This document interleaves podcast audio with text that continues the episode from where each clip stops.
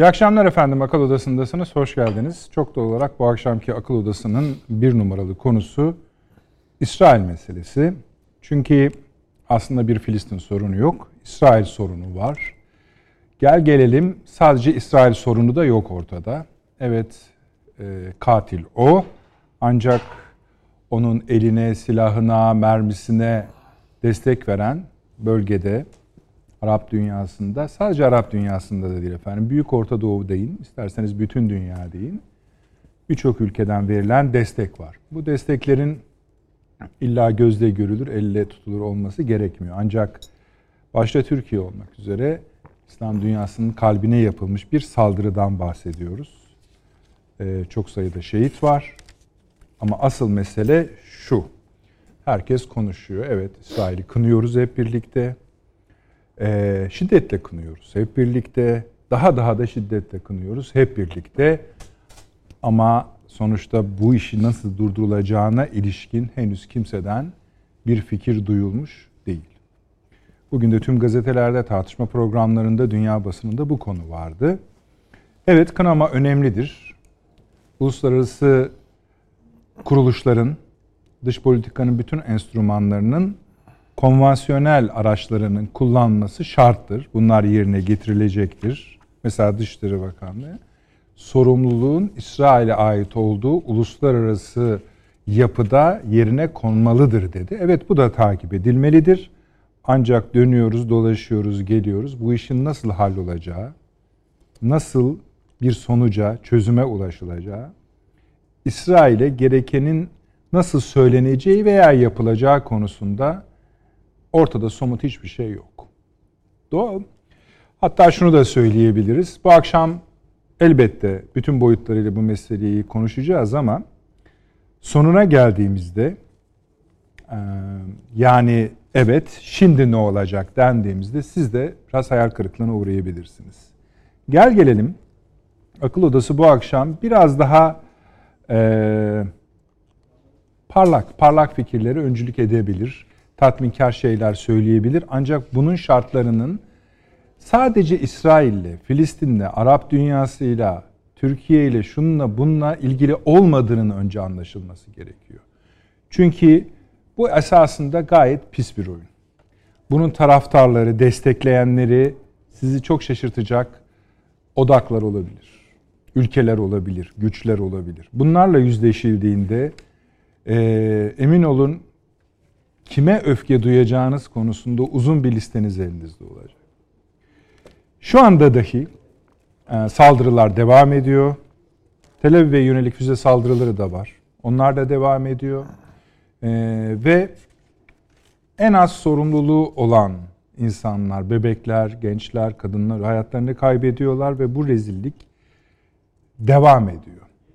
Efendim bölgedeki orta sınıf diyelim öyle söyleyelim isim vermemek için öyle tarif ediyorum. Onlardan zaten herhangi bir şey beklemek, o ülkelerden bir şey beklemek mümkün değil. Çünkü bir kısmı kendi canlarının derdine düşmüş durumda. Bir kısmı yani şu ülkeler sayılır hemen köşe taşları diye. Mısır, İran, Suudi Arabistan, Türkiye. Çok büyük samimiyetle söylüyorum ki Türkiye dışında ayaklarını yere basan başka bir ülke bulunmuyor bu coğrafyada. Hele büyük oyuncular zaten söyleyecek hiçbir şey yok onlara. Amerika Birleşik Devletleri'nin yetkililerine soruldu İsrail meselesi hakkında ne diyorsunuz diye. Kendilerini savunma hakları var dendi çıktı işin içinde. Hepsi bu kadar. Yani başta Biden yönetimi olmak üzere biz işte Filistin'e böyle davranacağız, şöyle yapacağız, Trump'tan farklı olacağız diyenler de biraz Trump oldular artık. Şimdi efendim bir yerden başlayalım izin verirseniz. Profesör Doktor Süleyman Seyfi Öğün hocam hoş geldiniz. Hoş bulduk. İstanbul Ticaret Üniversitesi öğretim üyesi. İyi akşamlar. Ee, Doçent Doktor ve Emekli Tuğ Genel Sayın Fahri Erenel, İstinye Üniversitesi öğretim üyesi. Paşam hoş geldiniz. Şeref verdiniz. Ankara'da Profesör Doktor Taşansı Türker hocam var. Mülkiye'yi temsilen görebilir miyiz? Evet. Taşansı hocam iyi akşamlar.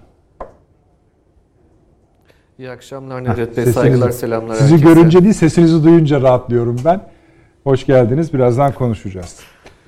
Ee, Hoş bulduk. Sağ olun. Sağ olun. Şunu da söyleyeyim Süleyman Hocam size başlayacağız ama çok sayıda görüşme yapılıyor. Çok sayıda. Yani Sayın Cumhurbaşkanımızın ayrı görüşmeleri var, Dışişleri Bakan yani iki düzineye yakın görüşme yapılıyor.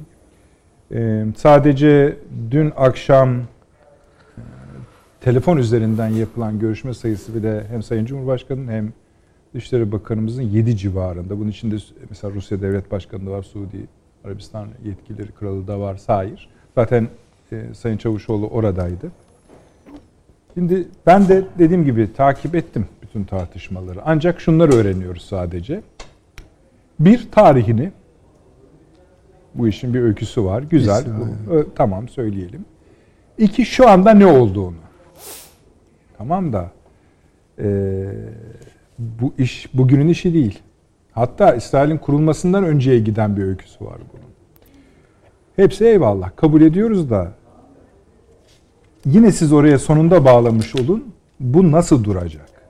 Bu mesele nasıl halledilecek? Şimdi bakın bazı uzmanlar ben size söyleyeyim diyorlar ki bunlar son aşamalar. Özellikle Mescid-i Aksa konusundaki son aşamalar. Yani bundan sonraki aşama artık onların tapınağının nasıl yapılacağı ile ilgiliymiş. Esasında orada da bitmiyor. Şu soruları sarılan da yani şunu da merak edin diyorlar. O tapınak yapıldı sonra.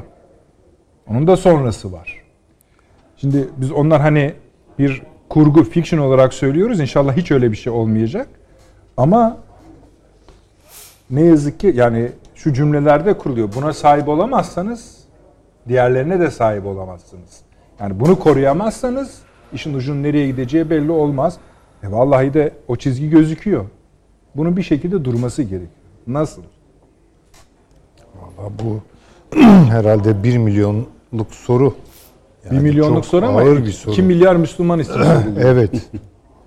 O zaman 2 milyarlık soru diyelim. Ee, bunun gerçekten bir e, düz cevabı olduğu kanaatinde değilim. Çünkü bizim aklımız şöyle çalışır. Yani bir çatışma öncesi bir gerginlik durumu vardır. Bunu önlemek için neler yapılabilir gibi akıl yürütülür. Ee, işte orada diplomasi devreye girer.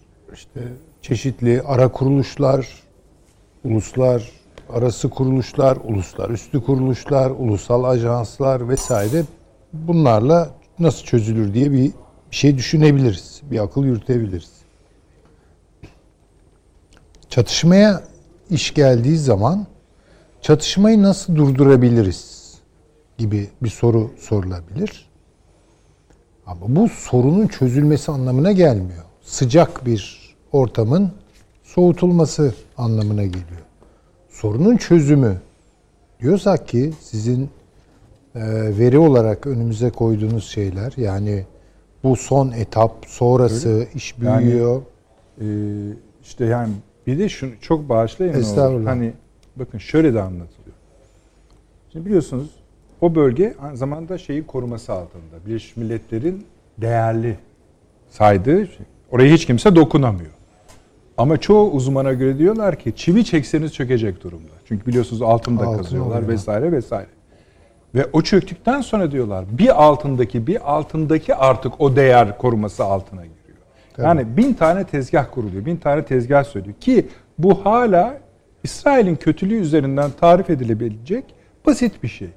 Daha şeylere gelemedik. Bu oyuncuların hangisi yani Filistin'in ya da İsrail'in karşısında yer alan grupta öyle numaralar dönüyor ki kimin kimin yanında olduğunu da kestiremiyorsunuz.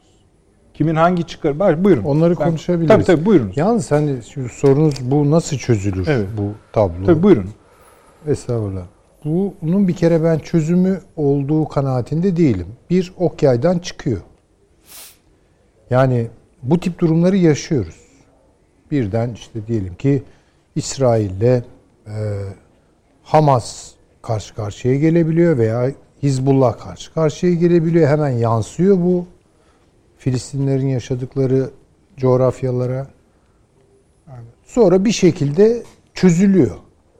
Ama nasıl çözülüyor? Durduruluyor yani. Çözülmüyor da durduruluyor. Soğutuluyor. Öyle diyelim. Burada diplomasi mi rol oynuyor? Yoksa bir takım güçlerin işte yeter demesi, perde arkasından birilerini durdurmasıyla mı oluyor? O da belirsiz yani. Çok iyi bilmiyoruz. Ee, bu mesele herhangi bir siyasal meseleden çok farklı. Bu mesele herhangi bir coğrafi, siyasi coğrafi meseleden çok farklı. Bu mesele herhangi bir topluluklar arası diyelim ki çatışma, gerilim e, tiplerinden elimizde olan gene çok farklı. Yani Kudüs dediğimiz yer üç tane çıplak tel arkasında yüksek voltajlar var. Yani orada Hristiyanlığın bir iddiası var, orada e, Yahudilerin bir iddiası var, orada Müslümanların bir iddiası var. Bu teopolitik meseleleri doğurur ki teo, teopolitik meseleleri çözmek için önce buna talip olmak gerekiyor. Buna talip olacak akıl bile bırakmaz bu gerilim. Yani bu kadar vahimdir. ee, İsrail'in pozisyonunu şu anki konjonktürel olarak, dönemsel olarak içinde bulunduğu siyasal iklimi, Amerika Birleşik Devletleri İsrail ilişkilerini e, ele almadan belki buna İsrail, Rusya, İsrail, Türkiye bilemem. Hepsi, İsrail, İsrail, Mısır, İsrail, hepsi Suudi girer. Arabistan, Yani İsrail, tabii, İran hep, hepsi. hepsi girer. Bir e, bakış geliştirmek de mümkün değil. Öyle. Yani bunu bir kere görmemiz lazım. Ee, bu e, üstelik tam Kadir Gecesi'ne denk geliyor. Hassasiyetlerin Müslümanlarda en dorukta olduğu bir e, noktada yaşanıyor. Ve bitmiyor, durmuyor. Durmuyor. Dediğiniz doğru, oraya katılıyorum. Bir tür son round gibi bunu hayata geçiriyorlar. Hadi burada böyle bir yangın, mevzi yangın çıkabilir. Ama dünyanın bir de itfaiyesinin olması lazım. Bunu söndürecek bir itfaiye. O yok. Dediğiniz gibi Rusya'dan tık çıkmıyor. Amerika'dan ses alamıyoruz. İnsan hakları şampiyonu Avrupa Birliği çevrelerinden hiçbir şey gelmiyor. Hadi diyelim ki batırdık iğneyi, çuvaldızı batıralım. İran nerede? Çok merak ediyorum. Yani Kudüs Tugayları nerede yani mesela? Çok merak ediyorum. Arap dünyası nerede? Sokağını bilmiyorum ama yönetim düzeyinde A- Arap Ligi, İslam İşbirliği Teşkilatı yani kuru kuru açıklamalar. Listeye bakarsanız herkes konuşmuş canım. ama Hani- öyle olmaz Yani tabii. tabii. Yani şimdi e, otomatiğe bağlamışlar tabii, tabii. bir Matbu, takım replikleri, yani siyasi replikler falan bunlarla olmayacak tabii ki yani. Kararlı, zinde bir vicdan hareketi bunu durdurabilir. Yani ve bunun da hakikaten Müslüman olması, Hristiyan olması, hatta Yahudi olması bile önemli değil. Vicdan sahibi dünya kamuoyu varsa sesini çıkarır. Bunu çıkarması nereden duyulacak bu ses? Tabii medya ortamlarından duyulacak ama onu da durdurabiliyorlar çünkü oraya da son derece hakimler. Yani göstere göstere bu işler yapılıyor. Hakikaten çok hazin bir durum. İnsanlık açısından insanın ümitleri adeta yerler, yerlerde sürünmeye falan başlıyor. Nerede insanlık diyorsunuz? Yok yani. Yok. Cevap alamıyorsunuz. Bu kadar kötü bir durum. Ee, takip etmek gerekiyor. Bunu bir kere İsrail'in böyle bir e, olayı son roundu başlatması diyelim ki. Buna karar vermesi de bence derin bir karar. Yani bunu bir kere görelim. Bu derin bir karar. Bu lalet tayin itiş kakışla başlamış falan bir şey değil. Bunu hayata geçiriyorlar. Geçirmeye niyetliler. Biden Amerikan yönetimi oradan başlayalım. Evet, İsrail'e Trump kadar e, ne bileyim sıcak bir ilgi göstermediği ortada. Hatta hatta bir takım böyle beylik diyeceğim artık alışılagelmiş İsrail karşıtı söylemlere de değinen, onları tekrar servis eden bir söylemi falan oldu. Fakat bunu burada ben söylediğimi hatırlıyorum. Katiyen bunu İsrail karşıtlığı biçiminde yorumlamayalım. Yani Esasen karşılığı olsa da İsrail'in bundan çok umursayacağını da zannetmiyoruz. bir de yani o biraz zordur yani Amerika'da. O biraz zordur. Şimdi şu çok açık. Biden'ın İsrail'i biraz soğuk karşılayan bir yaklaşımı var. Mısır'a da aynı şeyi yapıyor. Şimdi bakın buralardan aşırı yorumlar çıkarıyoruz. Yani diyoruz ki Taraf gösteriyor Ha, zannediyoruz. Değil halbuki.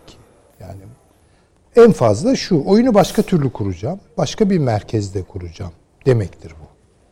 Yoksa İsrail'i terk etmek, İsrail'in hatta karşısına geçmek falan gibi şeylerin ben olabileceğine pek kanaat getiremiyorum. İşte 100 milyon e, evangelizm taraftarı insan yaşıyor Amerika'da. Bu hatırı sayılır bir ciddi kamuoyudur. Trump bunların sözcülüğünü büyük ölçüde üstleniyor. Bir de karşısında Püritanlıktan veya protestanlıktan beslenmeyen işte Katolik çizgide bir başka Amerika var. Biden biraz bu. Dolayısıyla yani orada biraz Katolik teopolitiği üzerinden yorumluyor. Oyunu da başka türlü kuruyor zaten. Bu İsrail'i bence kızdırır. Kızdırır ve kendi e, merkezinde inisiyatif almak ve durumdan vazife çıkararak sert siyasetleri hayata geçirmek gibi noktaya sürükler. Yani İsrail şunu seyretmeyecektir. Yani Amerika artık beni bıraktı. Çok destek vermiyor bana. Ben de biraz susayım. İçte biraz işte kendimi derleyeyim, toparlayayım. Bir dahaki Amerikan seçimlerini bekleyelim. Gene Trump gibi biri kazanır veya Trump kazanır. Ondan sonra işimize devam ederiz. Der mi bunu? Asla demeyeceğim.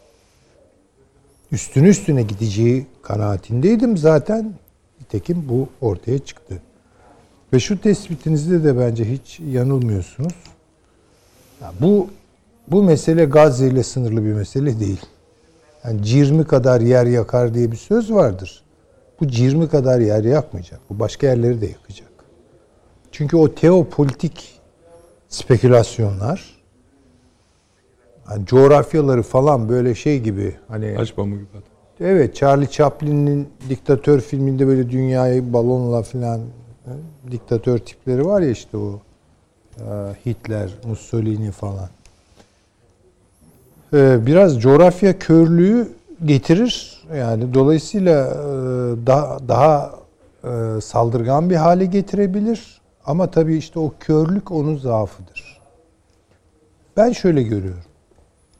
Bu işin diplomasiyle efendime söyleyeyim görüşmeler marifetiyle anlaşmalar marifetiyle filan bakın bu yolların hepsi denendi. İzak Rabin bu yolu denedi ve hayatıyla Ödedi. ödedi. Bu yollar denendi. İsrail'den bir daha böyle bir şey çıkmaz. Sertlik dereceleri orada ayırıyor. İktidarı ve muhalefeti veya iktidarın bloğundaki unsurları birbirinden. Yani mesela Liberman'a sorsanız zaten hemen gereği yapılmalı. Ondan da daha aşırılar var. Ee, bir, ya da bunu biraz şöyle yapalım. Hani yapacağız zaten. Bu tartışılmıyor yani. Kutsal topraklar vaat edilmiş bilmem neler filan diye. Yani bugün bizim de meselemiz olan o Kürt PKK Evet. koridoru meselesi koridor. O da- ne tutuyor bunun bir ucu? Ya bu şöyle Yani aslında şunu da söylüyorsunuz unutmayın ne olur. Oradan vazgeçmeyeceği gibi bundan da vazgeçmeyecek. tam tersine oraya doğru gidiyor. Evet. Yani Gazze'de vuruyor, e, bu Erbil'de yankılanıyor veya e, Her yerde. Sincan'da ya- yankılanıyor, Kobani'de yankılanıyor. Dolayısıyla en yüksek volümlü yankıyı Türkiye alıyor burada. Yani Türkiye evet burada bir o acımasız teopolitik karşısında moral politik bir çıkış yapıyor. Ama bir taraftan da real politik bir tarafı var o işin yani. İş buraya geliyor. Geliyor. Tabii ki. Bu işi bitirmek istiyor İsrail. Ha Amerika ile nerede cidden karşı karşıya gelirler ve Amerika orada İsrail'in şahinlerine ne kadar direnir? Orada ne olur onu bilmiyorum. İran meselesi. Ben bunu burada söylemiştim. Ama olayların gelişimi itibariyle sürekli sağlamaya tabi tutuyorum. İsrail İran'ı vurmadan rahat edemez. Yani orada bir nükleer anlaşma olacak falan. Yani e, ve İranlılar da ona çok sadık kalacaklar falan. Her an bir nükleer güce dönüşebileceğini herhalde ben buradan görüyorum. İsrail haydi haydi Aynen. görür. Evet. Bunu kabul Fazlasını etmeleri, bunu bunu pek kabul edeceklerini zannediyorum. Onun için İsrail iç siyasetindeki gidişatın da aşırılara doğru gideceği kanaatindeyim. Çünkü işte füzeler düşüyor, Tel Aviv'de sığınaklar meselesi bilmem ne falan yani Yahu- Yahudilerin günlük hayatı bozulmaya başladı. Bu yani, ya barışa dökelim işi diyenleri üreteceği kadar hakkından gelelim bu işlerin diyenleri Zamanıdır de diyenler ve iki, ikinci basitleme bence ilkine göre daha az rafinedir ve çok daha büyük bir kütleye hitap eder. Buradan bir radikal yükseliş doğacağını ve bunun da bence seçimlere yansıyacağını düşünüyorum. Hatta hatta Netanyahu'yu dahi arayabiliriz. Evet. O noktalara gelir Tahmin bu ediyorum, işler. Taşans Hoca bu akşam onun iç dinamiklerine ilişkin Tabii o bir daha iyi anlatır şey, e, hazırlığı var. bize. Belki de yani ben yanılıyorum eleştirel Yok yok ben bunu söylediğiniz için söylüyorum Evet. bunu. Hani belki Evet. sizi daha da korkutacak şey de söyleyebilir. söyleyebilir. Doğru. Ama bu çok açık. işi büyütecekler. İşi büyütecekler. Bu işin bence çok önemli bir ayağı.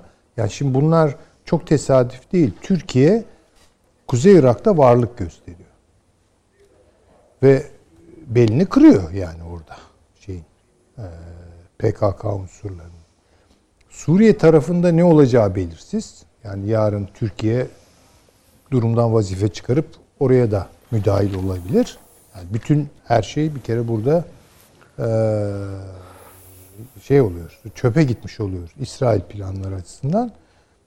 Bunu da görüyorlar ve bence bunu bir Türkiye, İsrail ve İsrail bilemiyorum hangi evrede İran hesaplaşmasına götürecekler. Bunları da PKK üzerinden yapacaklar. Bu çok açık ve İş oralara sirayet ettiği zaman çok daha kolay ezmeyi mümkün kılacak belki Hamas'ın direnişi veya işte buna e, Filistin Kurtuluş Örgütü yani Ramallah tarafından da e, bir destek gelirse o da bir tuhaf yani Hamas bir yerde Filistin Kurtuluş Örgütü bir yerde yani bölünmüş durumdalar yani onlar da bir türlü toparlanamıyorlar. Böyle de bir zaafı var işin.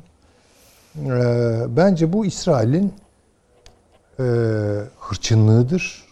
Kararlılık ama kararlılık içerir. Öyle yani. Baştan çıkmış halde falan değil. Kontrollerini falan kaybetmiş halde Bu değiller. şekilde yapıyor. Ama yani o hırçın siyasetlerini kararlılıkla ve belli bir plana oturtarak bence hayata geçirmek istiyorlar. Yani şu an doğacı olmaktan başka bence yapacak bir şey yok. Bu Yani felaket bir şey. Yani Yani, bu çok acı bir yani. şey. Çok acı bir şey. Yani çünkü yani ne yapabiliriz? Ne yapabiliriz? Şöyle biraz şu daha- bir sürü şeyi tabii sesi olacağız yani Filistin. canım. O kadar ama Buyurun. yani bunu düzeltmek, çözüme kavuşturmak vesaire. Bence İsrail nerede kafasını duvara vuracak? Buralarda kafasını duvara vuracak.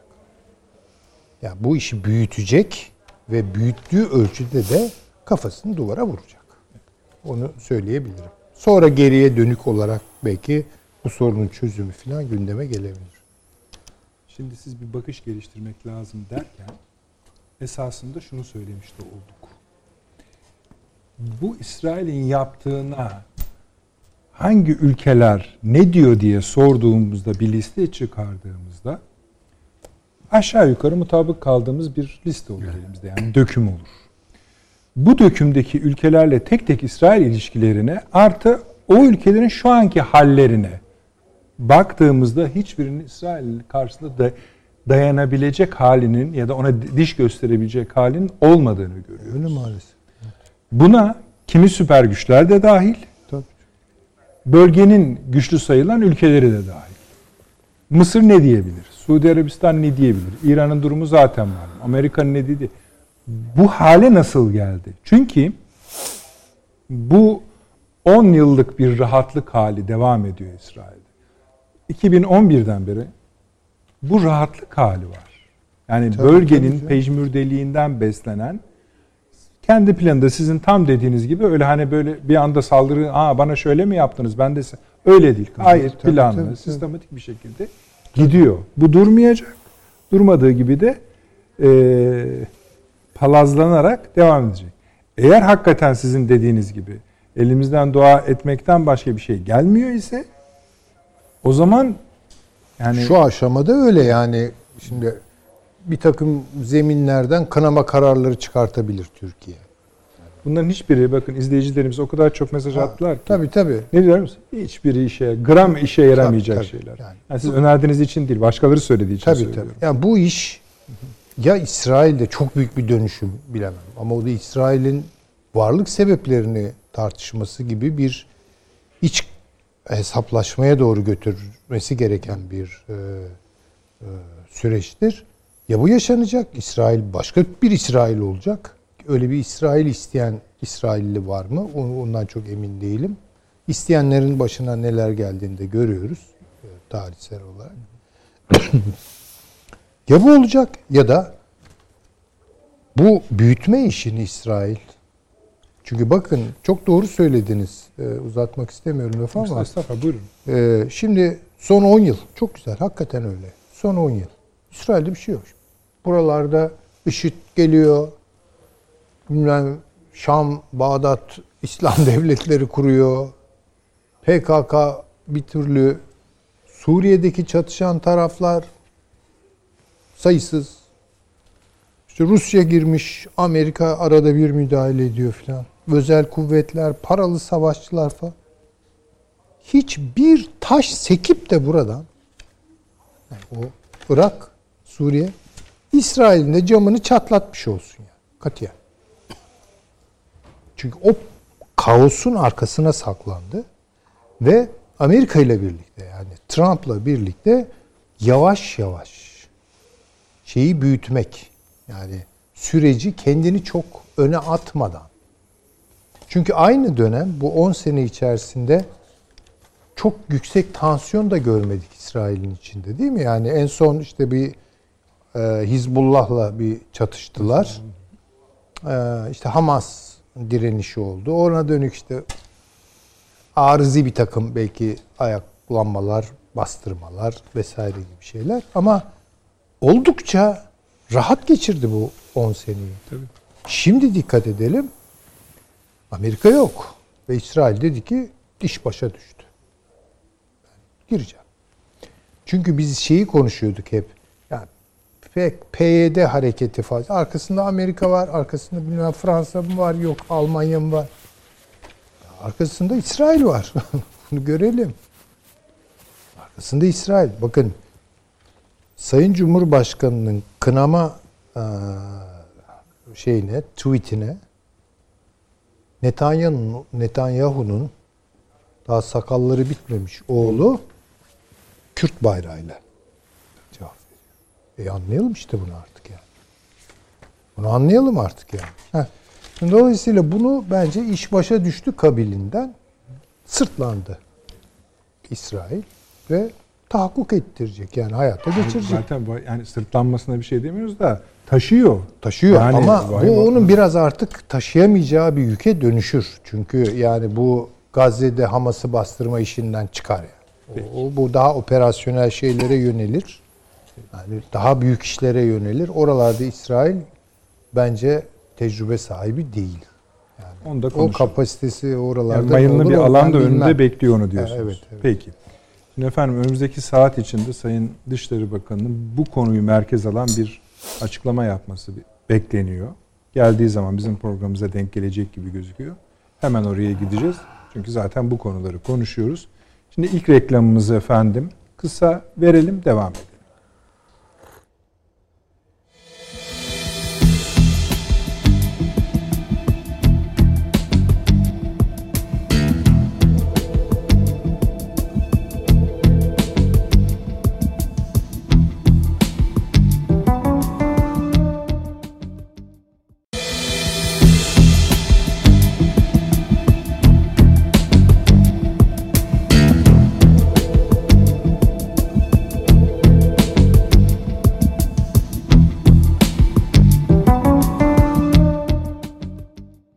Evet efendim, Akıl Odası devam ediyor. Sayın Dışişleri Bakanı Çavuşoğlu'nun açıklamalarını da dinledik.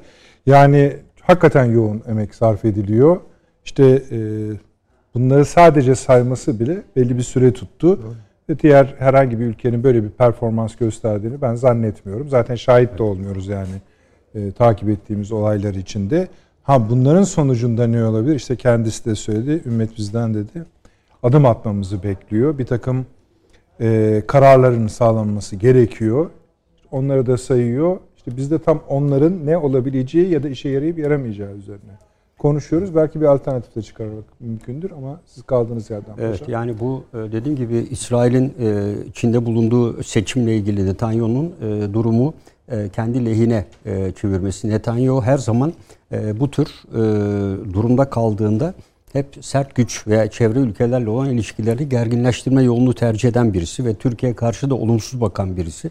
Aynı zamanda tabii bunun altında yatan niyetlerden biri de Türkiye-İsrail arasında son zamanlarda artan, arttığı söylenen İsrail Enerji Bakanı'nın e, Türkiye'ye yönelik olumlu tavrı, o e, hatların Türkiye'den geçmesi, işbirliği yapılması, bu tür bir yakınlaşmaya karşı da Netanyahu'nun e, sert e, bir e, cephe alması. Çünkü Netanyahu ile Türkiye arasındaki ilişkiler özellikle Sayın Cumhurbaşkanı arasındaki ilişkiler son derece gergin olduğunu ve Netanyahu'nun e, özellikle Türkiye bakışının ne kadar olumsuz olduğunu biliyoruz. Dolayısıyla e, özellikle Amerika Birleşik Devletleri'nin katsa yaptırımlarına fırsat bilerek Türkiye'nin çok fazla bir e, Filistin konusunda elbette sesini çıkaracağını, zaten en büyük tepkinin de Türkiye'den her zaman olduğu gibi geleceğini biliyor. Ancak Türkiye'nin Arap ülkeleri olan ilişkilerine baktığımızda da bu konuda da fazla etkili olamayacağını ve şu süreçte ne kadar e, dış politik anlamda girişimler yapılsa da tam karşılığında olmayacağını e, görebiliyorlar, değerlendirebiliyorlar. Yani biraz evvel Sayın Dışişleri Bakanı açıkladığı konular son derece önemli. Barış gücü bile tesis edilmesi son derece önemli. Daha evvel de bu tür girişimler olmuştu ama İsrail asla bunların hiçbirini e, kabul etmemiş ve değerlendirmemişti. Yani bugüne kadar çok sayıda Birleşmiş Milletler kararı var.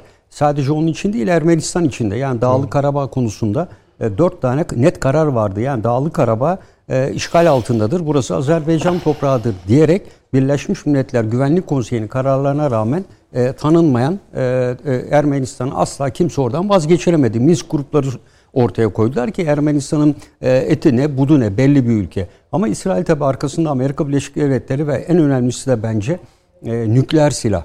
Yani Amerika Birleşik Devletleri'nin e, bu 200'e yakın e, ki öyle tahmin ediliyor e, güçlü e, ona güç katan ve Orta Doğu'da tek nükleer güce sahip ülke konumuna getiren bu silahların burada mevcudiyeti 200 mü dediniz? 200'e yakın. 80 ee, diyebiliyor muyum? Peki. Yani e, bazı ilk çıktığı zaman 110-120 civarındaydı ama daha ufak kirli tonları ile birlikte 200 civarına ulaştığı söyleniyor.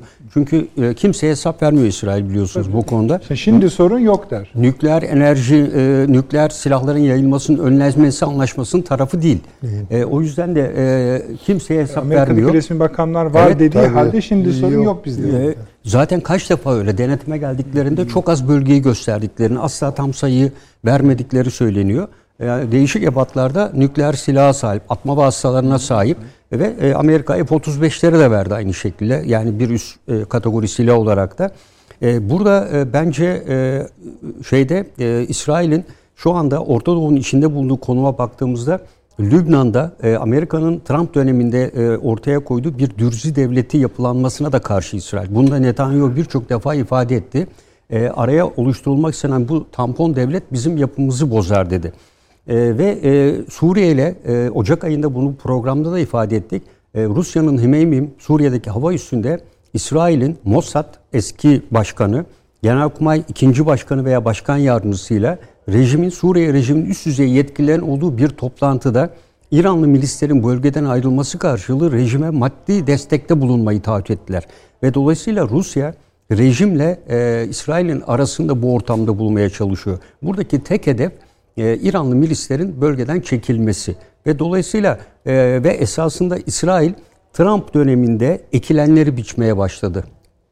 Açık ve ne söyleyeyim. Yani bugün Orta Doğu'ya Trump'ın yaptığı kadar kötülüğü kimse yapmadı.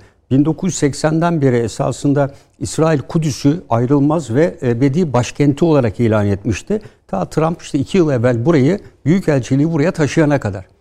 E ne oldu Birleşmiş Milletler'de 126'dan fazla ülke Türkiye'nin girişimiyle buna olumsuz destek verdi. Ama bakıyoruz şimdi en yakın bildiğimiz ülkeler bile Balkanlarda e, büyük elçiliklerini buraya taşımaya başladılar. Amerika Birleşik Devletleri'nin etkisiyle. E, burada temel amacım ben e, özellikle Kudüs'ün tamamen ve tamamen Filistinlerden ve Araplardan tecrit edilmesi ve Kudüs'ün e, Tevrat'ta da şu andaki demografik yapı da bozulmuş durumda. %63'e bakın 19. yüzyılda %70 Müslüman, %20 15-20 civarında Yahudilerden oluşan %1'e yakın Hristiyanların olduğu bir yapı 20. yüzyılda bu denge bozuluyor. Şu anda %65 civarında evet, Yahudiler e, evet giderek Müslümanlar azınlıkta kalmaya başlıyor. Şu anki durum o. Evet şu anda daha da bunu azaltmak ve tamamen yani sıfırlamaya bozulduysa evet. bu bu problem çıkarır yani. Evet. Yani bu e, önemli bir konu. İkinci konu bence esas mesele e, burada e, İsrail'in 1948 yılından beri yaptığı beş savaş var. E, bu beş savaşın her birinin hedeflerine bakmak lazım. Buradaki hedeflerin her biri esasında su odaklı hedeflerdir. Bizim e, İsrail'in bu hamlelerinde e, evet bölgeye e, Tevrat, Arz-ı Mevlüt, e, Mevlüt diyoruz. E, buna göre e, Büyük İsrail Devleti, İsrail vatandaşları diyoruz ama e, şu anki verilerle İsrail'in 2030'lu yıllardan itibaren bu bölgede su açısından barınma şansı yok. E, Tevrat'ta bir e, üçgen var. Hatta bunu e, bir e, kişinin sözünü atfen de söyleyebiliyorum. Bir Yahudi e, Arkam Zubi. E, Yahudilerin Arap suları üzerindeki mücadeleleri, eski bir Tevrat rüyası ve bu gerçek bunu gerçekleştirme çabaları. E, Arkam Zubi'nin.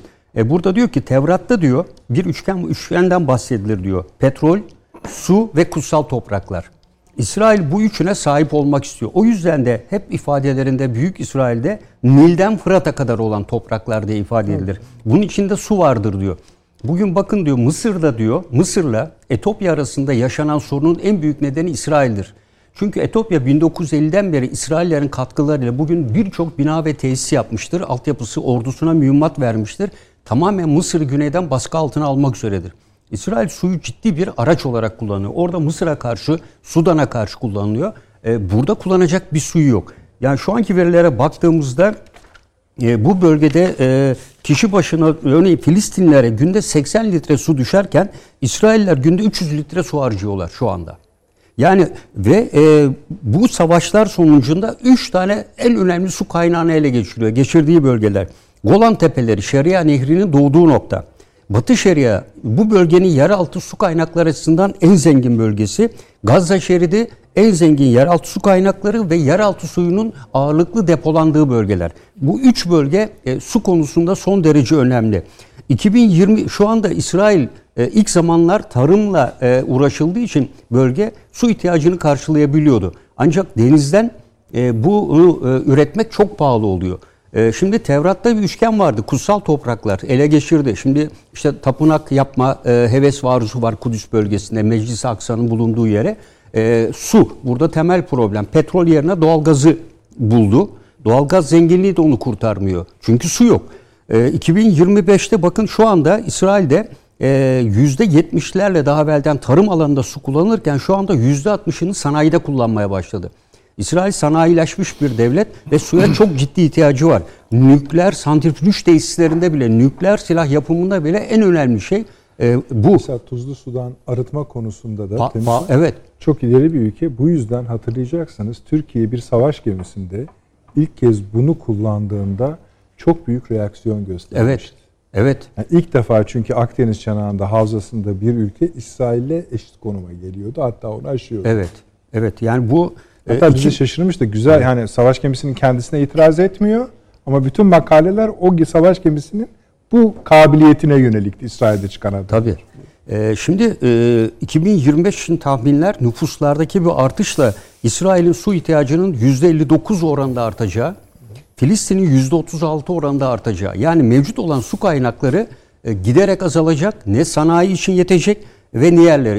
E, İsrail'in savunma sanayi çok güçlü ve diğer alanlarda ve bütün bu faaliyetler için çok ciddi suya ihtiyacı var. E, dolayısıyla şu anki yapmış olduğu hamleler Golan Tepeleri, Batı Şeria'yı tamamen Filistinlerden soyutlamak ve hatta üç maddeli bir hedefleri var. Bir diyor bu bölgedeki bütün Arapları Sinay Yarımadası'na göndererek orada bir Filistin devleti sözde oluşturup Sina biliyorsunuz daha evvel de burası satılıyordu. 8 milyar dolara sonra reddedildi. Meclisten geçmedi mübarek döneminde. İkincisi Türklerle ve Türkmenlerle ilgili. Bunları da tamamen Torosların kuzeyine götürmek üçlü bir plandan söz ediyorlar. Ve şu anda biraz evvel hocamın da söylediği Netanyahu'nun oğlu gibi bu bölgede sadece PYD ve PKK'yı bırakmak. E, ve bunda da esasında iki kavram kullanıyorlar. Diyorlar ki e, burada e, biz Melik İsrail'dir. Bunlar has, e, asıl İsrail vatandaşlarıdır.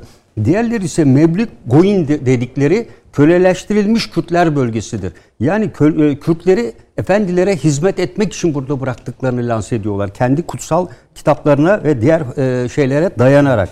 Bütün bunlara baktığımızda e, şu anda İsrail bir bölgeyi tamamen Araplardan arındırmak, ikincisi su havzalarını kesin olarak elinde bulunmak ve e, bunu e, tutmak ki Golan Tepesi işgal altında olan bir yer biliyorsunuz. Batı Şeria'nın bir kısmı aynı şekilde ve burada e, yaklaşık 2-3 yıl içinde eğer bu bölgede Filistinler ve dolayısıyla Araplar kaldığı takdirde İsrail 2025'te itibaren ciddi temiz su sıkıntısına girecek ve sanayi çarklarını dahil döndüremez hale gelecek.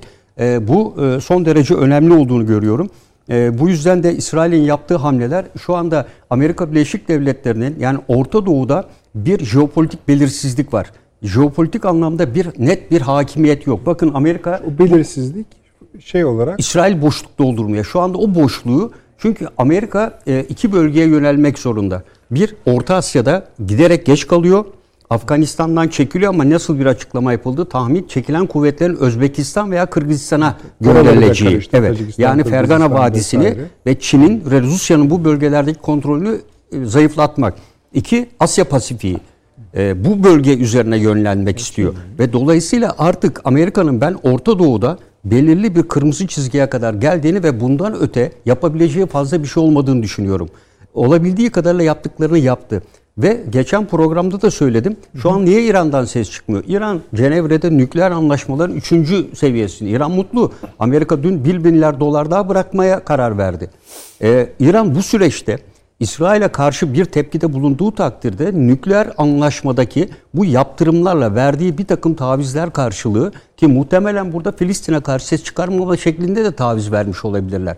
Ciddi bir ses yok bugüne kadar İran'dan. Yoksa e, devrim muhafızları ve diğerleri e, beka verdisinde şurada 50 tane füze roket atarlardı bugüne kadar. Sadece Hamas kendisi roket, el yapımı roketlerle mücadele etmeye çalışıyor. İran kendi menfaatinin peşine düştü. Süleyman'ın ölümüne ses evet. çıkarmadıkları yani onu sattılar. Bırakın yani. Canım, hani sattılar dediniz belki de ona katıldı İran içinde bir grup yani. E, hani işte sızdırdı mızdırdı bir şeyler yaptı.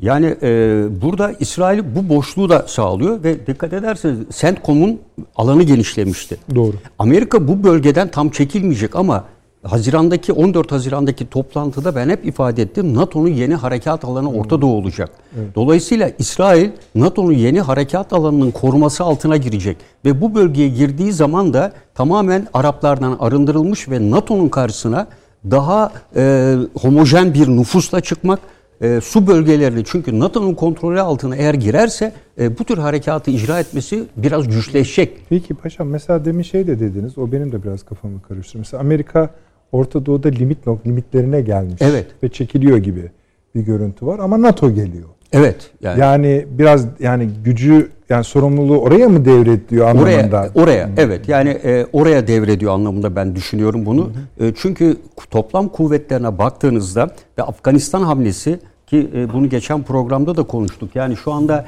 Fergana Vadisi'nin etrafında e, 9 tane esklav dediğimiz e, toprak var. Yani bu bölgede kargaşa bitmeyecek. Buradaki sorunların hepsi de su. Bunların hepsi de yani 9 tane dünyada e, çok sayıda esklav var. Mesela Dağlık Karabağ'da Azerbaycan Ermenistan arasında da var. Esklav yani siyasi olarak bağlı olduğu ülkeyle coğrafi açıdan arasında mesafe olan yani A ülkesinin içinde bir B ülkesinin elemanı var, e, ülkesi var. Nüfus onlara ait. E, o kendisi yönetiliyor ama siyasi açıdan bağlı olduğu ülkeyle coğrafi bağlantısı yok. Aradan giden koridorlarla bunlar sağlanıyor. Burada e, daha evvel 79'da 80'li yıllarda çıkan e, olaylar da Fergana Vadisi'nde su meselesine dayanıyor. E, ve e, bu bölgede Çinlerin özellikle Tacikistan ve Kırgızistan'da daha evvel Çinlerin yine baskısıyla Rusya ile işbirliğiyle Özbekistan'daki üslerini kapattırdılar biliyorsunuz Amerika'nın. Amerika tekrar buraya geri gelmek istiyor şu anda. Özbekistan, Kırgızistan üstünde yoğun bir Bölgede baskı bir kuruyor. terör olayları da başladı. Evet, Şimdi evet. mesela bizi konuşurken bile Kırım'da bir terörist etkisi hale getirilmiş. Nerede? Kırım. Kırım. Ee, başka olaylar da var biliyorsunuz. Okul Tabii, baskını tabii. falan. Yani bu akşam zamanımız Şu anda e, Suriye'de e, özellikle Orta Asya'dan gelenlerin neredeyse %60'ının eğitim aldığı ve yetiştiği bölge Fergana Vadisi olarak görülüyor. Ve bunların da büyük ölçüde CIA tarafından eğitildiği, yani daha evvel de bahsettik. Amerika şu anda DAEŞ'in yerine yeni tip bir örgüt ilan ediyor. DAEŞ unsurlarının büyük bir kısmını Afganistan'a taşıdı. Ve onun yerine farklı bir El-Kaide kökenli farklı bir yapı ortaya koymaya çalışıyor. Çünkü DAEŞ kontrolden çıkmaya başladı. E, bütün bunların hepsinde İsrail'in güvenliğini sağlamak üzere yapıyor. E, bu Yapmasa nedenle- da ona yarıyor Evet. yani. Yani şu anda Irak müthiş bir belirsizlik var Irak'a baktığımızda. Öyle. Evet. E, Suriye'ye baktığımızda aynı şekilde anayasa görüşmelerinin kaçıncı turu yapıldı bilemiyoruz. Yani bugün anayasa görüşmesinden bahseden kimse yok. Herhalde e, görüşmeye katılanlar İsviçre'nin vatandaşı olmuşlardır gibime geliyor. Yani sürekli gidip gelmekten ziyade geçici vatandaşlık almışlardır. E, Suriye'nin pozisyonu bu. Yani İdlib e, konusu hala bu gerginliğin sürmüş olması İsrail'in işine yarıyor. Çünkü rejimin bütün gücünün kuzeye yönelmesini sağlıyor. Rejimin Fırat'ın doğusuyla hiç bilgisi yok. E, bu bölgeyi ka- e, kapsıyor. E, bu yüzden de dediğim gibi bu Tevrat'ta da yazan biraz evvel e, ismini verdiğim e, yazarın kitabında da belirtilen e, su, petrol ve kutsal Kutsal. yerler. Bu üçgeni tamamlamaya çalışılıyor. Ben tüm hedefinin de e, dediğim gibi üstü örtülü. Yani birçok yerde bu din savaşıdır deniyor. Evet din savaşı örtüsü üzerinde esasında su savaşı sürdürülüyor şu anda. Çok güzel. Bir sonraki turda da iyi güzel söylediniz ama bunlar nasıl durdurulacak sorusuyla karşılaşacaksınız. Ee, bir takım önermeler var. İşte Birleşmiş Milletler Barış Gücü vesaire gibi şimdi biraz ortaya çıktı ama bu Nafile. hakikaten mümkün mü değil mi? Olsa ne olur, olmasa ne olur? Onları da konuşacağız. Ancak bir Taşansı Türker hocamıza dönelim Ankara'ya. Taşansı hocam, evet bayağı e, beklediniz ama gö- bolca not aldığınızı da görüyoruz. Buyurunuz. Ya valla şöyle şimdi Nedret Bey bu e, her mesleğin zor tarafları var işte. Yani işçi alın terini akıtır, polis uğursuzla muhatap olur. Bizim mesleğin zor tarafı da böyle günlerde soğukkanlı olma zaruretine yazık ki. Halbuki çok basit bir şekilde e, içimizden geçeni böyle e, çok da düşünmeden döküversek ne kadar da rahat bir hayat olacak ama işte seçtik bu mesleğin içindeyiz. Dolayısıyla bir soğukkanlı analiz yapma çabası e, zaruri bizim meslek açısından. Şimdi 6-7 ay kadar evvel hatırlayacaksınız yani e, bu Ermenistan füzeleri düşüyordu Türk kentlerine Azerbaycan'da. Azerbaycan toprağı işgal altındaydı. O zaman da hani ben çok zorlandığımı hatırlıyorum e, analiz yapmakta. Yani çünkü insanın hani bir e, şey tarafı insani ve refleksif tarafları var. İnsan bayağı kötü şeyler söyleyip bırakmak istiyor sözü. E, bu görüntüleri hepimiz görüyoruz zaten şimdi yaşanan şeyleri Filistin'de. E, gerçekten içler acısı. Yani bu hiç öyle azımsanacak şeyler değil. Yani bugün sadece bugün sadece bir bombardımanda 9 çocuğun öldüğü söyleniyor. Yani insanın yüreği kaldırmaz gerçekten. Ee, Yani bunlar hani gerçekten konuşmayı çok zor kılan şeyler. E Ama konuşmak zorundayız, anlamak zorundayız. Ee, Zira biz anlamadığımız müddetçe, ne olduğunu analiz edemediğimiz müddetçe de bunlar devam ediyor. Yani bağırıp çağırmak kolay ama bir çözüm çözüm üretmek işte hani o noktada biraz önce Sayın Dışişleri Bakanı'nın sizin de söylediğiniz gibi saymasının bile uzun sürdüğü bir sürü çaba aynı anda yürüyor. Bu çabaları gösterebilmek için de ne oluyor oradayı gerçekten iyi analiz etmek lazım. Yani çuvaldızı kendimize batıralım dedi ya Süleyman Hoca biraz önce. Bakın ben çok içtenlikle size söyleyeyim. Akademide, bürokraside, siyasette, sizin alanda, gazetecilik alanında e, toplayın Türkiye'de İsrail'i günü gününe takip eden e, 40 kişi çıkarsa şanslıyız memleket adına. Şimdi efendim bir insan grubunu saydığınızda çalışkanı vardır, tembeli vardır, zekisi vardır, zeki olmayanı vardır. Yani o 40 kişinin içinden 3-4 kişi eğer İsrail hakkında gerçekten doğru, derinlemesine analiz yapabilecekse, yani siyaset üretme anlamında söylüyorum. Gayet Ee, şanslıyız diye düşünüyorum ben. Yani bu, bu, bu bizim bizim de üstüne biraz düşünmemiz gereken bir şey bence. Ee, çünkü öbür türlüsü kolay gerçekten. Hani ak kara e, bağıralım içimizi rahatlatalım. Her efendim dert iç rahatlatmak olmamalı. Çünkü Türkiye'nin belli mükellefiyetleri vardır. Türkiye'nin tarihten gelen ve bu bölgedeki varlığı üzerinde belli bizim belli sorumluluklarımız var. Yani bunlardan kaçamayız öyle. Yani efendim bu beni ilgilendirmez deme hakkımız yok. Eğer ilgilendiriyorsa da işimizi layığıyla yapmak durumundayız. Şimdi bu eksiği söyledikten sonra e, ne oluyor efendim orada ne oluyor? Yani nereden çıktı bu birdenbire? Yani Kadir Gecesi'nin e, gündüzünde birdenbire çatışmalar çıktı Şeyh Cerrah Mahallesi'nde. Yani bugüne kadar hiç bunun bir şeyi yok, işareti yok, herhangi bir birikmiş gerginlik yok. Çünkü ben e, ikinci intifada döneminde İsrail'e yoğun bir e, ilgi duyup çalışmaya başladığımı hatırlıyorum Filistin'e ve İsrail'e. Yani o dönemde o kadar göstere göstere gelmişti ki intifada. Yani şey değildi, öyle birdenbire oluşan bir şey değildi. E, malum yani siyasi süreçler öngörülür zaten. Hani bir şeylerin gelişi belli olur. Bu sefer hiç, hiçbir şey ortada yoktu. Bir şey vardı efendim. En önemli şey. Bir gün öncesinde Cuma günü yani Şabat'a girmeden, Şabat malum cumartesi e, İsrail'de tatildir. E, Cuma günü Lapid ve Bennett görüştüler ve e, Ra'am Partisi'nin başkanı e, Mansur Abbas'ın da e, desteğini alma ihtimalleri epeyce yüksekti ve artık koalisyon hükümetinde hangi parti hangi bakanlığı alacak konusunu pazartesi günü görüşelim dediler. Yani dün. Cumartesi günü bu olaylar başladı. Şimdi bakın bu e, ilk başta bizim irdelememiz gereken mevzudur. Efendim Melik İsrail diyorlar Netanyahu'ya şimdi. Melik Arapçada da malum aynı şey. Kral. İsrail kralı.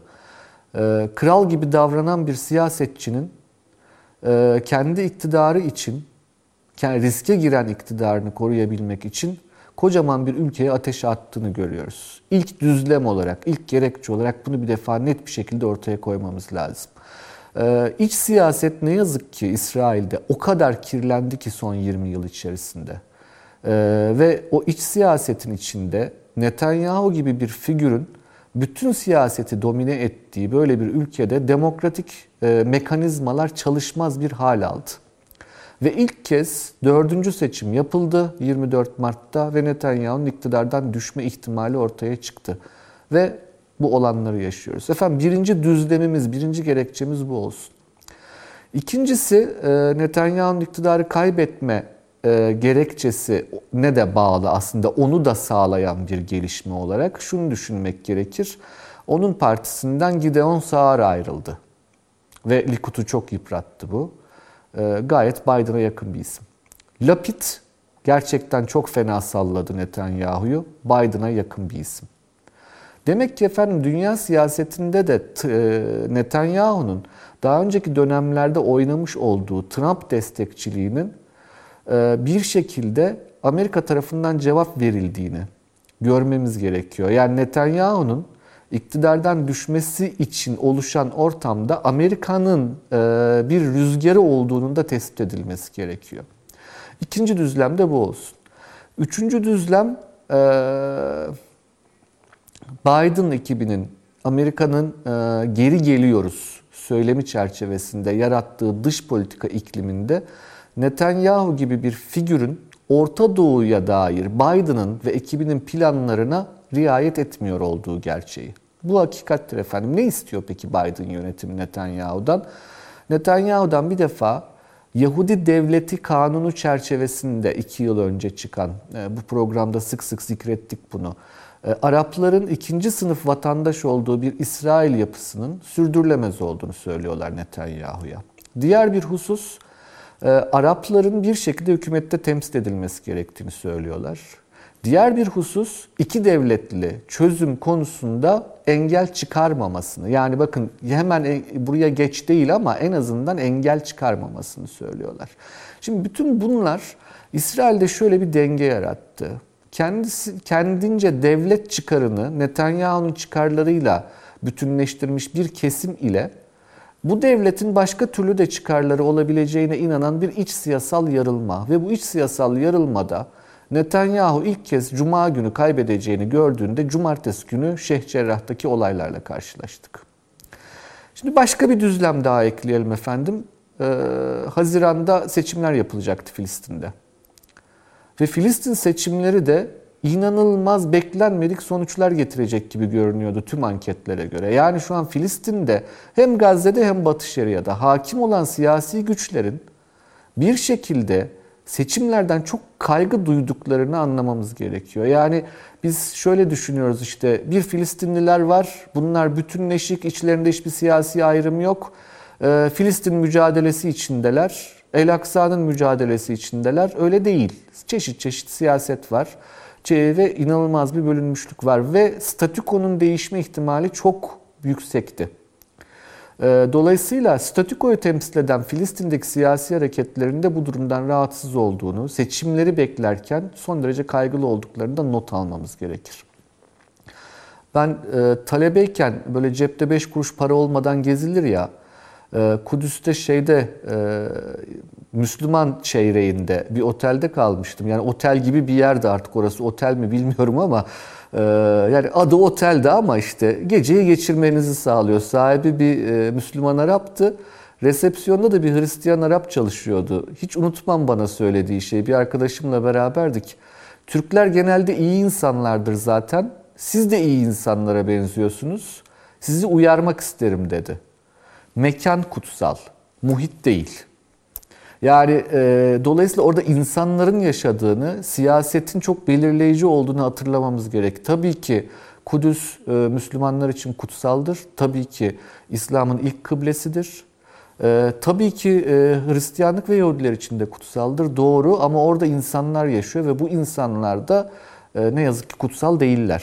Çeşit çeşit siyasi hesaplar içindeler. Dolayısıyla Fazla detaylandırmayı çok anlamlı bulmuyorum. Ee, çünkü emin olun yani takribi bir 8 saat anlatırsak not alarak bir ders şeklinde işlenirse belki anlaşılır İsrail siyasetinin karmaşıklığı ve oradaki Arap siyasetinin karmaşıklığı. Ee, ancak e, kısaca özetle şunu söylemek isterim ki e, İsrail inanılmaz farklı bir noktaya geldi. Bu programda defalarca tekrar ettik bunu hatırlayacaksınız. Belki hatta seyirciler de diyordu niye bunları konuşuyoruz? İşte bugünler için konuşuyorduk, öngörebilmek için. İsrail bugün sağ ve sağın yarıştığı, ancak bu sağ bizim Türkiye'de bildiğimiz gibi e, makbul bir sağ değildir, mutedil bir sağ değildir ne yazık ki. Gerçekten dünyada muhafazakarlık kavramıyla ya da milliyetçilik kavramıyla çok da bağdaştırılamayacak aşırılıklar içeren iki farklı kesimin yarıştığı bir ülke haline aldı. Ee, ve bu çok çok korkutucu. Şimdi görüyorsunuz mesela görüntüleri. Yani orada insanlar ölürken bir grup insan ağlama duvarının önüne geçip kutlama yapabiliyor. Yani o neresi biliyor musunuz orası? Hemen arkası Ömer Camii. Yani El Aksa orası. Yani oraya yani inanabiliyor musunuz? 20 metre ötenizde insanlar ölüyor ve siz orada hoplayıp zıplayabiliyorsunuz. Yani böyle bir e, ortamın böyle bir iklimin olduğu bir ülke halini aldı. Ha buna rağmen buna direnenler yok mu ülke içinde var. Onu da tespit etmek lazım. Yani ciddi anlamda kınama mesajları yayınlanıyor İsrail içinden de. Ee, bunun içinde sol partiler de var, sağ partiler de var. Ancak bakın mesela bütün bunlar olurken e, Hamas çizgisine yakın Ra'an Partisi, e, başında Mansur Abbas var. Koalisyon görüşmelerine devam ediyor hala. Yani öyle zannedildiği gibi bir e, nasıl söyleyeyim siyasetin durduğu bir noktada değil. Ve bu, bu zaten insanın belki de bu kadar canını yakan şey. Çünkü uçakların bombardıman yaptığı, yolda sokakta insanların birbiriyle çatıştığı bir yerde yani ne koalisyonu diyorsunuz? ben insan olarak onu söylüyorum ama işte analiz etmek zorundayız. Bunlar e, acıklı zamanlar gerçekten e, bu bölgede yaşananlar için. Efendim ben çok uzatmadan hani ne olur, sonuçları ne olur?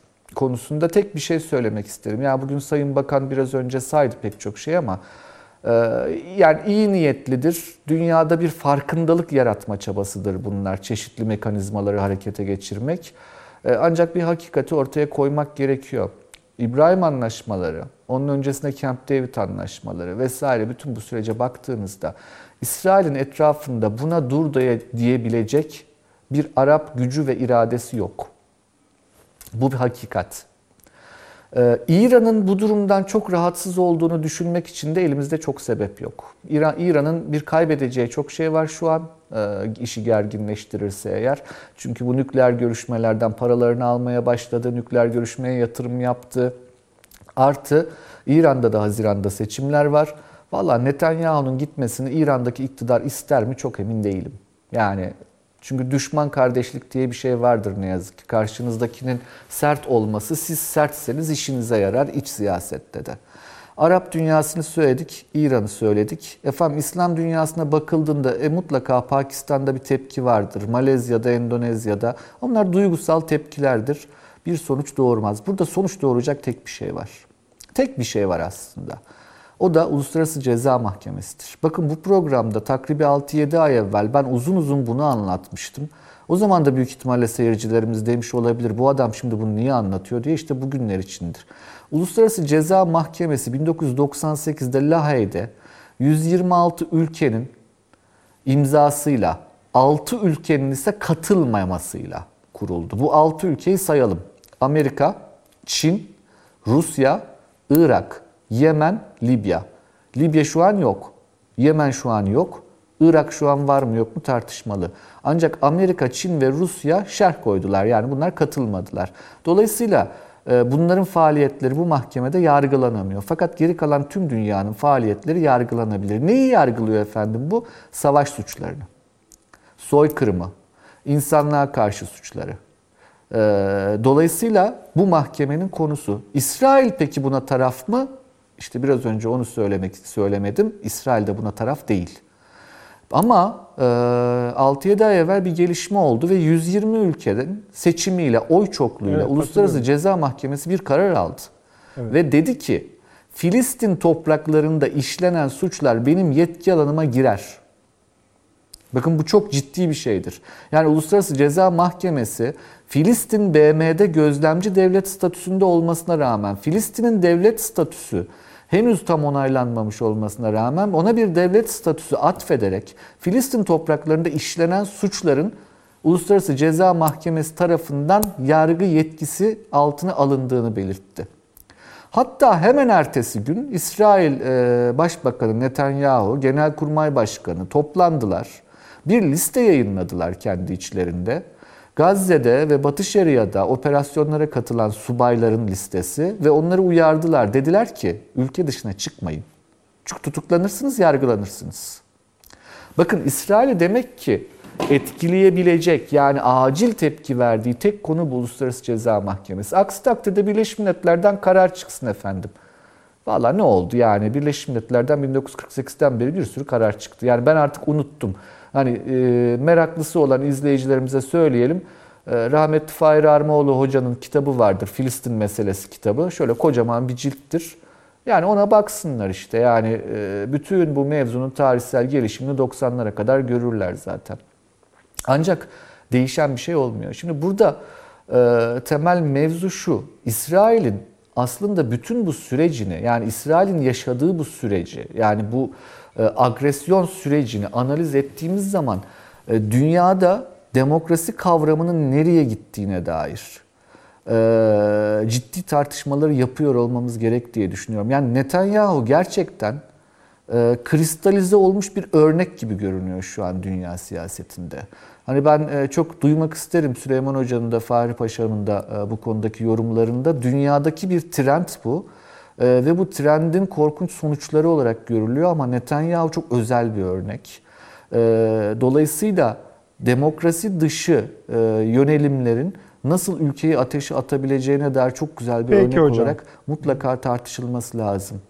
Ee, bu zannediyorum hani İsrail meselesine bakarken e, önemli mevzulardan bir tanesidir. Ha bir şey daha ekleyeyim Nedret Bey müsaadenizle. Buyurun. Şimdi bu iç siyaset, İsrail iç siyaset dedim ya 4-5 kişi takip ediyorsa memlekette gönlümüz rahat etsin diye. Ee, Bennett ve Lapid bloğuna da bakıldığında e, bunların her ikisinin de e, Türkiye'ye dair son derece septik hatta fobik düzeyde e, Türkiye ile ilişkilere yaklaştıklarını tespit etmemiz lazım. Yani, Yani Netanyahu gitse o de da, daha Bennett beteri gelir Lapid diyorsunuz. Ne? En ılımlıları bile bu. Daha beteri olabilir. Olabilir. Olur demiyorum. Yani e, şöyle çünkü esneyebilirler. E, Ancak olabilir. Dolayısıyla oranın çok iyi analiz edilmesi gerekiyor Türkiye açısından da. E, Yani o, o, o- orası ilginç bir yer. E, Son derece karmaşık bir siyasi yapı, son derece karmaşık bir sosyal yapı. O karmaşayı da bizim biliyor olmamız lazım. Yani ne nedir, kim nerede duruyor. Peki hocam. E, Türkiye'nin özellikle ilgilenmesi gereken e, bir alan olduğunu söyleyeyim. Peki. Çok kısa cevap istiyorum sizden. Ee, bu bir şey söylediniz. Bir alternatif. Uluslararası Ceza Mahkemesi. Ben hatırlıyorum o sizin dediğiniz 120 ülkenin bu işe biz karışırız dediği olayı. Ee, gel gelelim. Bakın biz izleyen birçok kişi de hiçbir şey çıkmaz oradan diyecektir. Buradan ne çıkabilir en fazla? Ya da velev ki bir şey çıktı. Ortalama bir şey olsun. İsrail buna heder mi? Yani ne yapacaksınız? Ee, şöyle efendim İsrail bir monoblok bir yapı olma özelliğini kaybedeli çok oluyor. Tam bu e, Netanyahu'yu anlamamız gerek, analiz etmemiz gerek derken bahsettiğim oydu. İsrail'de devletin önemli bir kesimi artık Netanyahu'yu İsrail devletine tehdit olarak algılıyor. Ee, Uluslararası Ceza Mahkemesi'nin özelliği devleti değil, bireyleri yargılamasıdır. Eğer siz oradan iki tane generali yargılarsanız, İsrail devletinin Netanyahu ile kuracağı ilişkide ciddi bir kriz yaratırsınız. Çünkü yani kimse o kadar şey değildir. Yani sonuna kadar ben bunun arkasında durayım e, demezler. E, zaten Uluslararası Ceza Mahkemesi'nin önemli tarafı bu. İşte orada kişilerin yargılanacak olması zaten yarılmış olan İsrail siyasetinde e, Netanyahu'nun elini çok çok zor durumda bırakır ve e, daha normalize olmuş e, bir İsrail'in yaratılması konusunda Peki hocam. e, önemli bir katkı sunabilir diye düşünüyorum. Yani dış baskı olarak yapılacak şey bu. Ha şey de söyleyeyim o BM barış gücü falan onlar yani unutun unutun yani onlar gerçekçi şeyler değil Peki. şu anki konjonktürde. Ee, Süleyman Hocam, şimdi aslında konu içinde çok ilginç şeyler söyledi Taşans Hocam. İlginçten kastım şu. Yani bunu konuşsak iyi olur diyebileceğimiz noktalar var. Ancak sizin kendi konuşmanızda yaptığınız korkulara ek yaptı herhalde. Tabii tabii. Yani ihtimallerden biri. ama, bir esneyebilirler ihtimal de daha dedi. var biliyorsunuz. Öyle öyle. Ee, ama bu Türkiye'yi son tahlilde çok değiştirecek bir şey değil. Değil. Ya da İsrail'in Türkiye siyasetlerini. Evet. Buyurun. Bu e, Birleşmiş Milletler konusunda herhalde herkes mutabık. Yani oradaki Paşam başka bir şey daha söylemişti galiba. Evet. E, barış gücü ya da koruma gücünün teknik olarak zorluğundan bahsediyor anladığım kadarıyla. Olmaz olmaz. Taşans Hocam. Katılıyorum. Ee, bir de e, hem İsrail'in hem Filistin'in içindeki siyasi dengelere de dikkat çekti. Bu Doğru. bizde pek konuşulmayan bir şey galiba. Şimdi şöyle, e, İsrail iç dengelerindeki bir takım yatırımların İsrail'in bölgesel siyasetlerini belirleme kapasitesi kazanmış olmasını e, belli noktalarda isterim de. Çünkü hata yaptırır bu yol. Hı. Bu yol hata yaptırır. E, ama bütün bu iç tansiyon, gerilim rağmen İsrail kendi reel politiğini bölgesel açılımlar itibariyle kotarabilme kapasitesini taşıyorsa o zaman bunu bir zamanlama meselesine görer. Yani çünkü şöyle bir şey çıktı belki Taşansı Hoca onu başka türlü anlattı da ben yanlış anlamış olabilirim. Yani Netanyahu panikledi seçimi kaybediyorum ki doğru. bir panik yaşadığı muhakkak. Birden elindeki benzini döktü. Bir yerleri tutuşturdu. Eğer böyleyse bu yatışır. Arızi bir olaydır bu. Yani bir şekilde yatışacaktır bu. Hatta hatta buna Gazze bölgesinde Hamas'ın siyasal geleceğinin belirsizliği de eklenince bir denge de oluyor. iyi kötü. Bu iş işte orada cirli kadar yer yakar. Halbuki e, benim bakışım biraz farklıydı. Paşam da galiba e, biraz daha vizyonu büyüttük biz. E, bunun işte ucu ben oralara girmek istemedim ama paşam çok güzel anlattı o su meselesi. Evet yani başka bir şey değil o. Yani böyle vaat edilmiş toprakları alalım da ondan sonra düğün bayram edelim. E bir güne dersin, iki güne der sonra ne yapacaksın? Su yoksa değil mi yani? Veya senin vaat edilmiş toprakların sana herhangi bir e, servet artışı sağlamıyorsa, kaynak artışı sağlamıyorsa senede bir kere bayram yapmak için mi bu kadar insan ölecek? Değil tabii ki. Mesele hakikaten Fırat ve Dicle meselesi. Mezopotamya'nın e, meselesi. Bakın biz bugün hala şu hatanın içerisindeyiz. Suriye'de ne oldu falan diye bakıyoruz. Yani Irak'ta ne oldu diye bakıyoruz. İşte Basra'da ne oldu diye bakıyoruz. Belki bazen böyle kısmi bakmanın faydaları vardır. Daha çok şey gö- gösterebilir. Hele günlük olay çok sıcak bir olaysa. Ama bir başımızı kaldırıp burası Mezopotamya diye bakmamız lazım. Ve orada iki tane bu dünyada elementer coğrafya bilgisi almış herkesin adını bildiği iki nehir akıyor. Ve bunlar Türkiye'de doğ- doğuyor ve sorunlu sular. Böyle bakarsak tabii yani petrol, doğalgaz bilmem ne filan bunları konuşmayı biliyoruz da bir su meselesi de var. Onun için çok önemliydi. Paşama e, teşekkür ederim Hocam, de. Ama şöyle bir şey var. Yani bunu iç siyasetteki bir takım e, duygularla açıklamıyorum ben. Etkisi olmuştur. Hızlandırıcı, katalizör bir etkisi olmuştur. Yani Bence politikası. reel politik olarak düğmeye basılmıştır yani. Bu iş büyüyecek. Amerika Birleşik Devletleri'nin e, İsrail'e gösterdiği kartı o kadar önemsemiyorum ben. Yani bir kart gösterdi. Şimdi bu futbolda işte sarı kart ya dikkat et. Hatta hatta belki biraz çeker ya bazen kart öncesi hakem uyarır falan. Bunun gibi bir şey. Onu belki kurallar gereği de yapmak e, ihtiyacında hissedebilir hakem. Çok inanmasa da. Bence esas olarak bugüne kadar Amerika'nın desteği ve e, Suriye'de, Kuzey Irak'ta yaşanan o kaosun tozu bulutu arkasına saklanmış İsrail'in duruma vaziyet etme iradesi gösterdiği bir sürecin e, ilk noktası, e, sıfır noktası olarak görüyorum ben bu yaşanan şeyleri. Şöyle şimdi bir reklama gideceğiz ama. Şey Galiba- yani Taşansı Hoca'nın dediklerinin hepsine katılıyorum. Doğrudur onlar.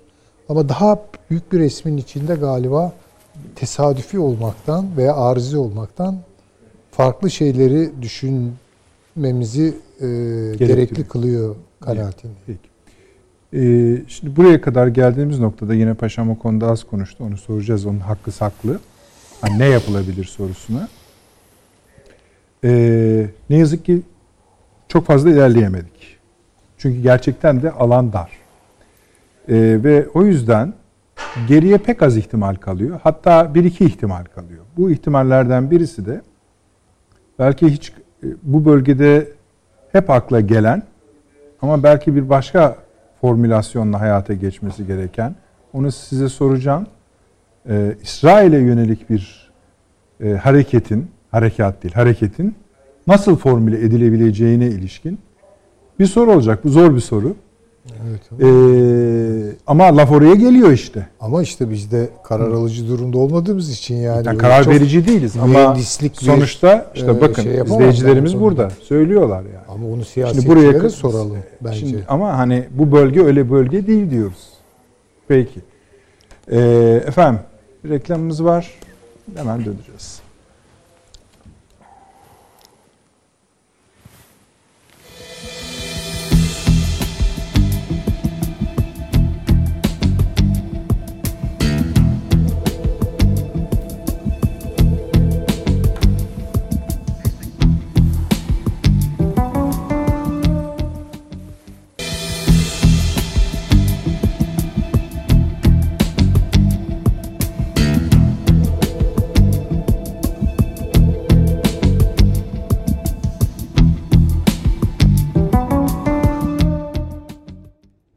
Akıl Odası devam ediyor efendim. Süleyman Hocam size geleceğim ama bir Evet. hakkını kullansın Tabii. paşam şu hakkını. Ne yapacağız? E, Valla esasında e, Yani Biden, ne yapacağız derken de Türkiye'yi özneleyerek söylemiyorum ama Türkiye doğal liderliği konumuyla zaten önde. Yani görüyoruz işte. Buyurunuz. e, ben yani burada e, herhangi bir şekilde söylemle olan yaptırımların e, bugüne kadar ne Ermenistan'a ne İsrail'e hiçbir anlam ifade etmediğini e, defalarca gördük. Bunu Birleşmiş Milletler'in sayısız kararları var. Buralarda da görüyoruz. Üstelik e, Trump'ın yaptıklarının bir kısmını Biden geri aldı. Esasında e, Türkiye açısından da ve Filistin açısından da bazı önemli ümit e, umut alanları da oluştu. Yani Trump'ın kaybe, e, kapattığı e, Washington'daki Filistin bürosunu yeniden açtırdı. Filistinlere verilmekte olan yardımı kesmişti Trump. O yardım yeniden başladı. Ee, esasında e, tekrar bakıyorum yani acaba e, 100 yılın anlaşmasını mı devreye sokmak istiyor? Onunla ilgisi yok. Yani şu an yaptığı hamlelerin 100 yılın anlaşmasıyla e, pek bir ilgisi yok. Ha, bunun içinde bir Filistin devletinin Sina'da kurulması konusu hep vardı. Yani o süreç içinde var. Ama burada Netanyahu'nun dediğim gibi iç konjöktür, e, içe oynaması yani kendi seçmenini oynaması bahsettiğim gibi. Diğeri de uluslararası konjöktürün şu anda buna uygun olması. İran kendi meselesinde Türkiye katsa yapmamı evet bunda en ciddi tepkiyi Türkiye verecek. Ama Biden'ın e, bence bu kararları aldığı süreçte ve özellikle İsrail'de Netanyahu ile aranın seçim sonrası biliyorsunuz inişli çıkışlı bir seyir izledi. Ve hala da e, ben Netanyahu'nun e, olmasını, başbakan olmasını Biden'ın tercih etmediğini düşünüyorum açıkçası. E, çünkü e, Yahudi e, lobisinin, e, diasporanın, paranın e, Netanyahu ile aynı fikirde olduğunu düşünmüyorum. Bunu daha evvel de Silah Üreticileri Birliği'nin toplantılarında da ifade etmişlerdi. Yani Silah Üreticileri Birliği'nin bütün yönetim kurulu hemen hemen e, Yahudi kökenli. Trump döneminden beri öyleydi ve Trump'ı en çok destekliyorlardı bunlar. E, buradaki e, konjonktür içerisinde ha, e, savaş suçları yani şu anda e, Uluslararası Ceza Mahkemesi'nin e, Beşir'e bile gücü yetmedi. Yani Beşir'i bile vermedi kabileler. Dediler ki hayatta vermeyiz kardeşim dediler. Bizim ölümümüzü alırsınız. E, Beşir elini kolunu sallaya sallaya dolaşıyor şu anda. Onun dışında biliyorsunuz Afganistan'da bir yürekli savcı çıktı. Dedi ki ben Afganistan'daki Amerikan askerlerin işledikleri suçları araştırdım. Bir dosya topladım. Amerika'ya gireceğim. Trump ne dedi? Giremezsin sen dedi. Sokmadı. Ee, aynı şey İsrail ile ilgili oldu biliyorsunuz. Uluslararası Ceza Mahkemesi'nin savcısı geldi. Kanıtlar topluyoruz. Birçok e, ihlaller var burada diye. E, bundan bir sonuç çıkmayacak. Yani Uluslararası Ceza Mahkemesi Birleşmiş Milletler kararlarıyla bu işler olmayacak. E, ve e, Yani İsrail'in elinde siz. Söylemli yaptırımların bir halta yaramaz onu söylüyorsunuz. Hiçbir işe Yani yaramayacak. yaramaz. Yani bunu İsrail'le e, çevredeki ülkelerin hiçbirinin silahlı bir çatışmayı göze alacak halleri yok. E, bu süreçte bir tek belki İran e, gidebilirdi ama ben Amerika Birleşik Devletleri'nin İran'ı da bu konuda bağladığını ve hatta geçen programda da söyledim. Bu hafta yazdığım yazıda da aynı şeyi ifade ettim. İran'la Türkiye'nin arasını da ciddi bir şekilde Irak üzerinden de açmaya Eyvallah. çalışıyor. E, Dolayısıyla buradan da Türkiye'yi ve İran'ı e, evet Türkiye'yi buradan da bağlıyor. Yani baktığınız zaman Türkiye e, Yunanistan'la e, problem var. E, İsrail'le birdenbire ilişkiler iyiyken derken e, bu ilişkilerin birdenbire e, bir farklı boyuta gittiğini görüyoruz. Tam tersine ümit varken işte Mısır'la görüşme, Suudi Arabistan'la görüşme bu süreçte birdenbire bunun olması da anlamlı. Yani burada Netanyahu'nun sanki Türkiye'nin e, İbrahim anlaşmalarını bozma konusunda veya zaman içinde bu yaptığı ikili ilişkilerde geliştirmesiyle Arapların tekrar kendine cep alma ihtimaline karşı da bir ön kazanıyor olabilir. Yani bu yaptığı süreçte. Yani Ee, şunu söylüyorsunuz değil mi paşam? Şimdi yeni bir süreç işliyor. Evet. Biden'la birlikte ve bu yavaş yavaş Türkiye'ye yontuluyor bu süreç. Evet. Ve aynen. Türkiye de buna abanıyor. Evet. Görüyoruz. Bu zamanlamayı kullanmaya çalışıyorsun. Evet. İsrail diyorsun. Evet, evet. Yani şu anda uluslararası konjonktür NATO toplantısına kadar İsrail'in istediği olanakları sağlıyor. E, bu yüzden de e, ne Mısır e, şu anda iş derdine düşmüş durumda. E, Sisi iktidarda olduğu sürece e, o da biliyor. Ülkenin Hepsi neredeyse bağlı saydık ya. Mısır bağlı.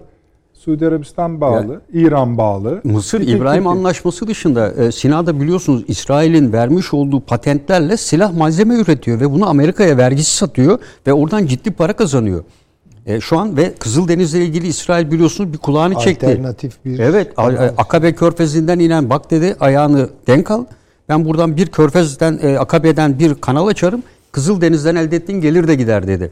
Ve şu anda Etopya ile olan görüşmeler tam e, rayında giderken birdenbire Etopya görüşmeleri sonuçsuz kaldı. Niye? İsrail devreye girdi. Yani İsrail bu statükonun devam etmesinden yana e, aynı şekliyle bu bölgelerde. E, İsrail'in temel hedefi öncelikle ele geçirdiği bölgelerde hiçbir Arap bırakmamak üzere kurulu. Şu anda dünyanın bir koalisyon gücü bile toplansa bile e, bu konuda elinde nükleer silah olduğu sürece nasıl Hindistan'la Pakistan e, birbirle didişen tavuklar gibi böyle geliyorlar. Bir bakıyoruz 10 gün sonra e, bir ateşkes oluyor. Hemen geri çekiliyorlar. Nükleer silah e, Türkiye'nin elinde bir şekilde olmadığı sürece e, Türkiye'nin İsrail'e karşı elinde nükleer silah olan bir Hocam ülkeye karşı bir müdahalede bulunması şart değil. Yani Türkiye e, çok ivedi bir şekilde yani bunu İsrail diğer ülke yapıyor. Hangi yaptırımı yaparsa yapsınlar. Şimdi katsayı yaptılar. Ne oldu? F-35 konusunda vesaire. E, Türkiye TAİ vasıtasıyla şu anda bütün projeleri öne aldı. Yani Milli Muharip Uçak'ta bir sonuca ulaşacak. ama Bu bir zaman alacak ama Türkiye kendi uçağını üretecek.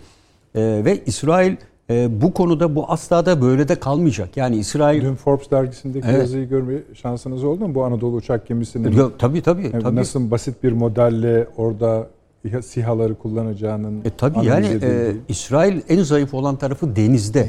Yani bunu biliyor. İsrail deniz o yüzden de İsrail iki yıl önce e, deniz kuvvetlerini bu özellikle doğalgaz konusu ortaya çıkınca bunların tabii korunması vesaire gibi e, daha ziyade sahil güvenlik gemilerinden ve birkaç ufak denizaltından oluşan bir yapısı var. E, şimdi ciddi bir şekilde deniz kuvvetlerine onun en güçlü tarafı kara ve hava kuvvetleriydi. E, deniz kuvvetlerine yatırım yapmaya başladı.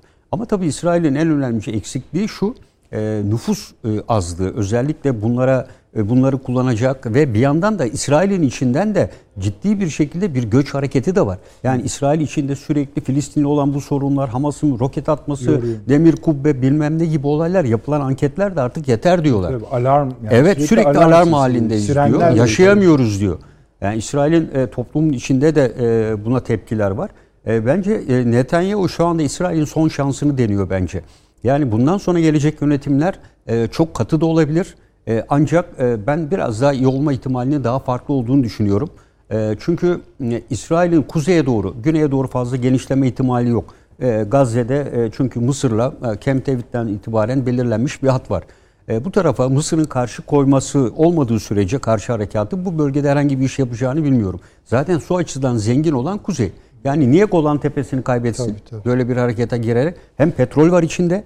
İkincisi de bu hattı daha evvel de konuşmuştuk biliyorsunuz. Yani e, gelecek olan petrolün Deir Rakka'dan Golan üzerinden Akdeniz'e akıtılma ihtimali de var. Dürzi devletin kurulmasına karşı Lübnan zaten karışık bir şey yapmasına da ihtiyaç yok. Ee, daha evvel dedim Hizbullah tamamen kendi derdine düştü.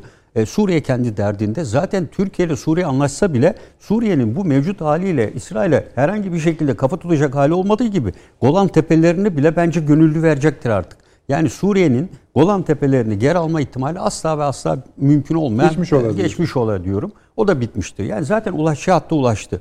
Bundan sonrası zaten Türkiye'ye giderek yakınlaşıyor. Asla Türkiye ile komşu olmak istemez. Ha o bölgede Amerika'nın yaptığı gibi e, bu tarafta Rusya, bu tarafta da özellikle PKK'dan oluşan bir, bununla İran kuzeyine bağlantısı olan bir Kürt e, devleti e, böyle bir yapının kurulacak olması İsrail'in işine de gelecektir. Arada bir tamponun oluşturulması.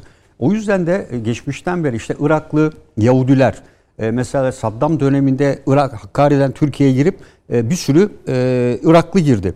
Bu Irakların büyük bir kısmı Irak Yahudisiydi. Ve bunlar Amerika'ya götürüldü. Önce Guam sonra Amerika'ya. Orada tekrar eğitildiler ve İsrail'e getirildiler ve bunların bir kısmı tekrar Irak bölgesine geri gönderildi. Bunlar dağınık olarak Musul, kuzey bölgelerinde yaşıyorlar. Ve bunlar Mossad'la yakın işbirliği içindeler. E, aynı şekilde Suriye'nin kuzeyinde de bir kısım Yahudi e, Kürtleri yaşıyor. Evet, bunlar da var. Eskiden E, evet Irak'ta bunlar vardı e, dört tane büyük operasyonla getiriyorlar. Yani işte en son yaptıkları bu Ali Baba dedikleri operasyon. Yani iki grup halinde e, Etopya'dan iki grubu getirdiler biliyorsunuz. Sudan'ın güneyinden getirdiler ve Irak e, kuzeyinden de getirdikleri de Ali Baba e, dedikleri operasyondu. E, ve şu anda e, buraya tabii bunu da nasıl getirdiler? Şiddetle getirdiler. Çünkü Avrupa'daki Yahudiler gelmek istemediği için nüfus artışı için bu bölgedekileri e, buraya getirme yolunu tercih ettiler. Şu an nüfusu İsrail'in ulaşabildiği son noktaya ulaştı. Böyle bir ortama dünyadaki rahatı yerinde belli bir zenginliği oluşmuş Yahudiler asla bir daha buraya gelmez. O yüzden İsrail mevcut yapısını, demografik yapısı henüz uygunken geliştirmeye çabalıyor. Belirli bir süre geçtikten sonra çevredeki ülkelerin doğurganlık oranlarına baktığınızda e, bir 15-20 yıl sonra İsrail'i kat be kat geçecekler ve İsrail nüfusu giderek yaşlanacak. Yani aslında biraz şuraya geldi. Siz yapılması gereken olası, yapılması gereken değil, yapılabilecek olası ihtimalleri, karşılık ihtimallerini elediniz. Kendi başına bırakın diyor. Entropiye, negatif entropiye girecek. Yani Tabii, tamamen tabii, evet. hani yani şimdi böyle söyleyince biraz komik oluyor ama Öyle. karşılığı var. Şu anda tabii. e, bunu 5 kere e, bir savaşa işte 60 48'den beri 5 kere çevredeki ülkeler aynı anda e, en güç olan harekat 3 farklı cephede harekat icra etmiş ve Arapları e, dünya kadar silah alan, dünya silah ihracatında ilk 3'te 4'te olan ülkeleri hepsini yenmiş. En güçlü ordu dediğimiz, hala dediğimiz Mısır'ı e, alt üst etmiş. Mısır ordusu. Bugün bile ne olacağı meçhul. Ufacık bir ülkeden söz ediyoruz sözde E, ve şimdi bununla e, hiçbir ülke bu aşamada e, ne Birleşik Arap Emirlikleri gücü var, Suudi Arabistan mücadele edecek. Irak kendi derdinde. E, Suriye Irak gitmiş, Suriye'ye gitmiş. gitmiş. Lübnan, Lübnan'ın gitmiş. zaten hiçbir şey yok. Körfez ülkeleri hakeza. Evet. Suudi Arabistan bambaşka yerlere bakıyor. Mısır'ı anlattınız. dolayısıyla kimse İran yok. 50 Evet. yerden bağlı. Evet.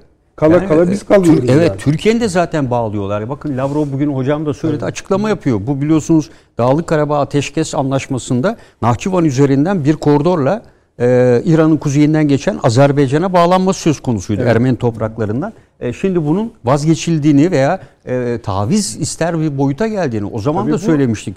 Bu koridorun geçmesi müthiş bir kazanım olur.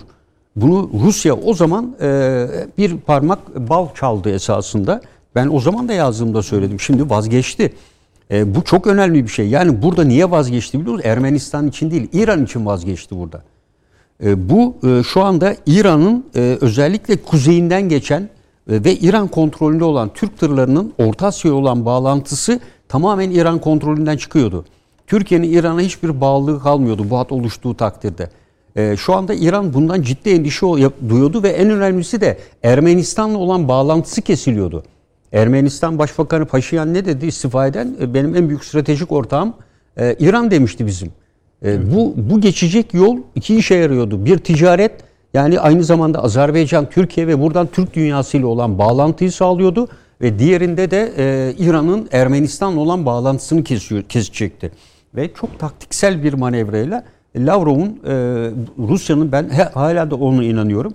E, böyle bir projeye asla karşılık vermeyeceğini düşünüyorum. Zamana yayacaktır. Yani tabii Türkiye açısından doğu tarafı bir de batı tarafında Evet, Yunanistan yani var. tabii Yunanistan, meşgul e, konusu var. Tabii E, kıskanç. e, kıs- evet. Yani hani sadece orada dursalar bile el- meşgul ediyorlar.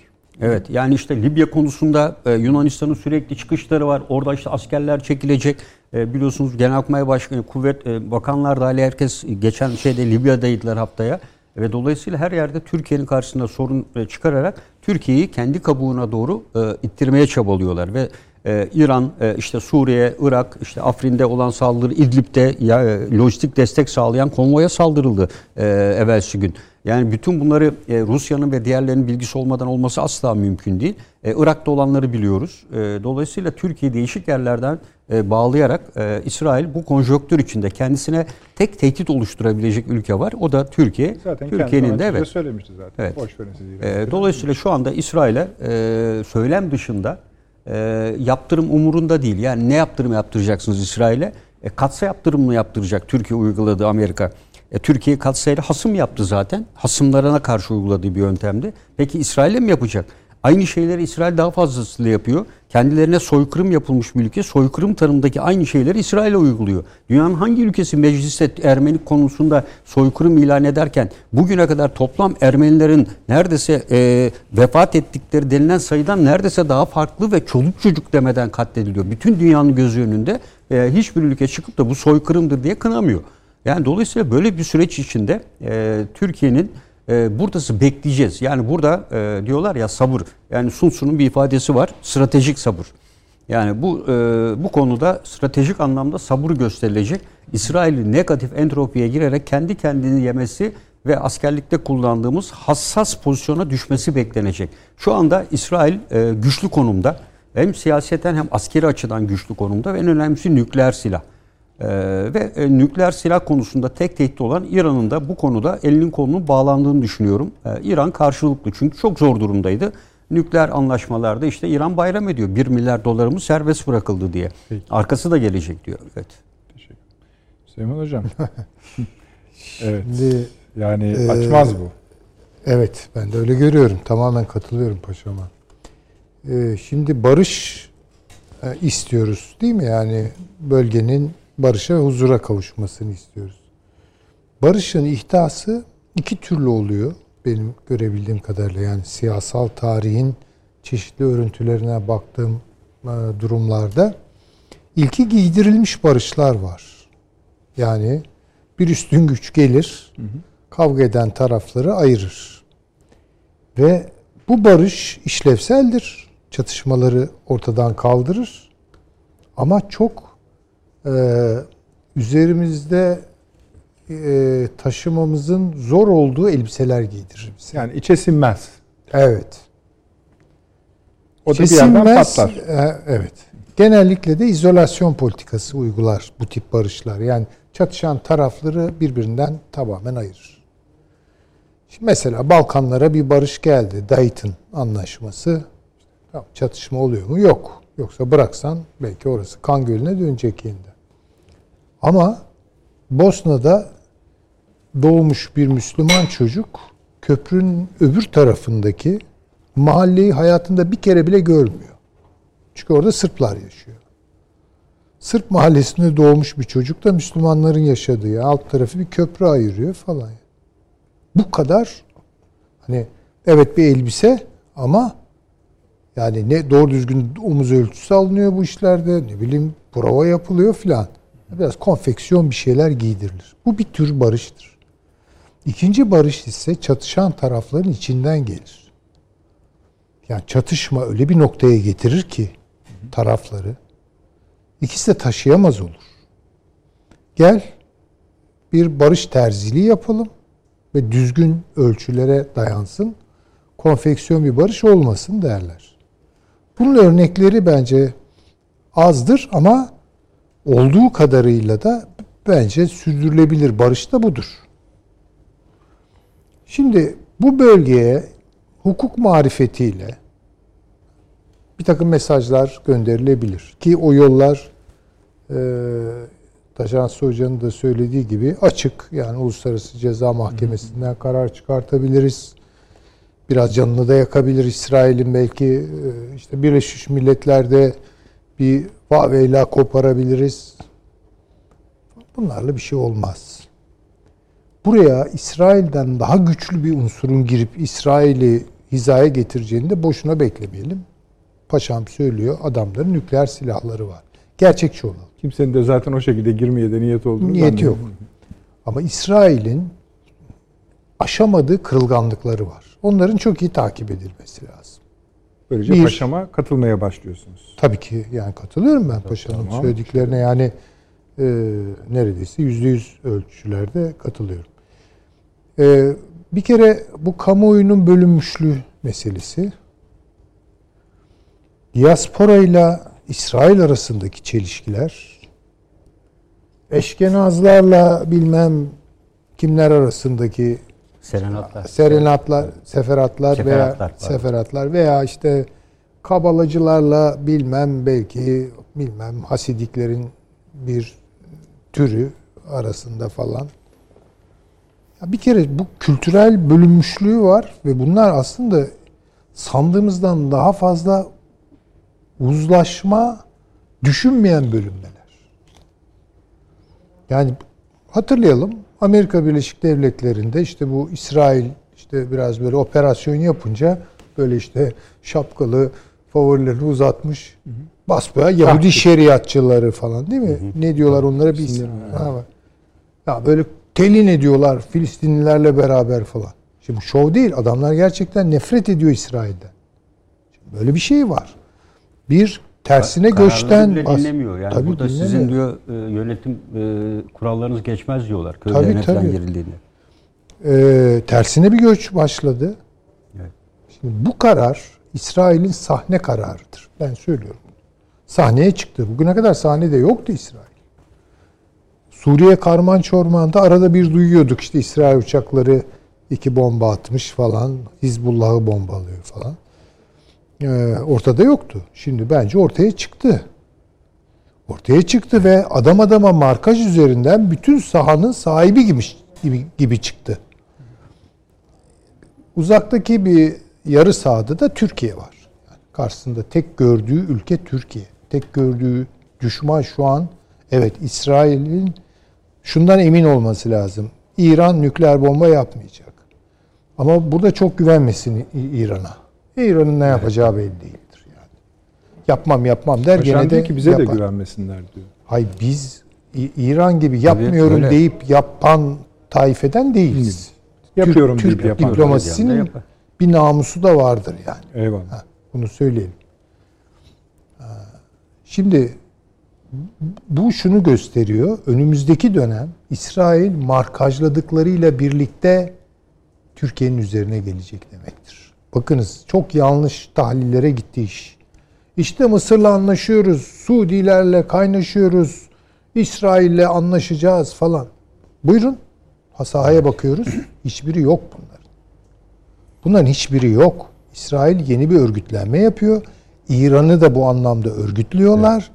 Ve Kuzey Irak'ta yani Mezopotamya'nın kalbinde İsrail'in şu anda birinci derecede istediği Türk-İran savaşıdır. İki, Kafkasya'ya dikkat edelim. Bakın ben o günlerde de söyledim. Azer, Azerbaycanlı dostlarımız gücenmesinler. İki gün evvel, üç gün evvel Azerbaycan şunu söylüyordu Türkiye. Arabuluculuk yapayım. Bakın bu çok yanlış bir şey. Bu ne demek? Ne arabuluculuğu? Kimle kimin arasında arabuluculuk yapıyorsun? Çok özür dilerim sen kimsin dedirtir yani. Ya bu olmaz. Bunu söyletiyorlar ama. Ve ben bundan son derece rahatsız olduğumu daha ilk günlerden söyledim. Bu ne? Tuhaf bir tabloydu öyle. ya. Türk bayrağı, yanında İsrail bayrağı, ortada Azerbaycan bayrağı. E Türkiye ile İsrail böyle. E o ne? Bakın bu yanlış. Bu buradan başka şeyler türü, türeyebilir. Kafkasya'da da canımızı yakacak şeyler çıkar buradan. İşte demin paşamız söyledi. Biz programdan önce de bunu biliyorsunuz kendi aramızda konuştuk. Gündeme belki de aldınız ama vakit itibariyle ama şimdi bağlıyoruz. Bu Nahçıvan'la e, Azerbaycan arasındaki koridoru açtırmayacaklar. Açtırmayacaklar. Yani şimdi Sayın İlhan Aliyev diyor ki gerekirse bunun için savaşırız. Veya bir dakika. Savaşırsın da sonra ne olur bilmem. Sonra ne olur bilmem. Ya şimdi bunlara dikkat edelim. Ben son derece rahatsızım Azerbaycan-İsrail ilişkilerinden. Kusura bakmayın. Orada bir e, Azerbaycan Türklüğüyle barışık bir Yahudi topluluğu varmıştı bilmem neymiş. Bilemem yani onlar gene geçinsinler bir şey demiyoruz da bu bağlar ne oluyor yani? Türkiye-İsrail ilişkileri bu haldeyken arabuluculuk lafı ne oluyor yani? Bir dakika. Bunları bir anlamakta çok zorlanıyorum. böyleyken yani. Evet, Filistin meselesi böyleyken bir dakika neredeyiz yani? Karabağ'daki katliamlar, soykırım. E buyurun İsrail yapıyor aynı şeyi. Bunlar biraz bize tokat. Biraz bazı şeyleri görmemiz gerekiyor. Türkiye bir hayli sıkıştırılıyor. Çok sıkıştırılıyor. Bunu görelim. Peki. Ee, bu da bunun bir etabı. Biraz daha artık güneyden esen rüzgarlar üzerine konuşacağız bu bölgeyi. Adını da Mezopotamya koymakta büyük fayda var. Teşekkür ederim Süleyman Hocam. Taşans Hocam buyurunuz. Herhalde söyleyecekleriniz vardır. Valla yani çok değil aslında Nedet Bey. Zaten e, sürede kısıtlı farkındayım onun. Yani bu e, biraz Biraz önce söylediğim var da- bıraktığım yerden Ee, bence yani bilmiyorum. Paşamın dedikleri var, Süleyman Hocam'ın ikazları var. Buyurunuz. E, Valla orada e, kısmen nüanslarla ayrıştığımı söylemek isterim. Yani e, şimdi şey konusunda bu e, bir tanesi bu Nahçıvan koridoru konusunda benim aklımda şöyle bir soru var. Eğer orası açılmayacaksa e, o zaman o savaş neden yapıldı? Yani Karabağ'ın etrafındaki e, birkaç tane rayonun geri alınması vesaire. Karabağ'da Rus askeri e o zaman hayırlı bir sonuç çıkmadı demektir. Yani çünkü orada kilit nokta zaten o kanalın açılmasıdır. E, Orayı önemsiyorum. Şimdi e, İran-İsrail dengesi içerisinde baktığımızda mevzuya, bu programda söylüyoruz bunu.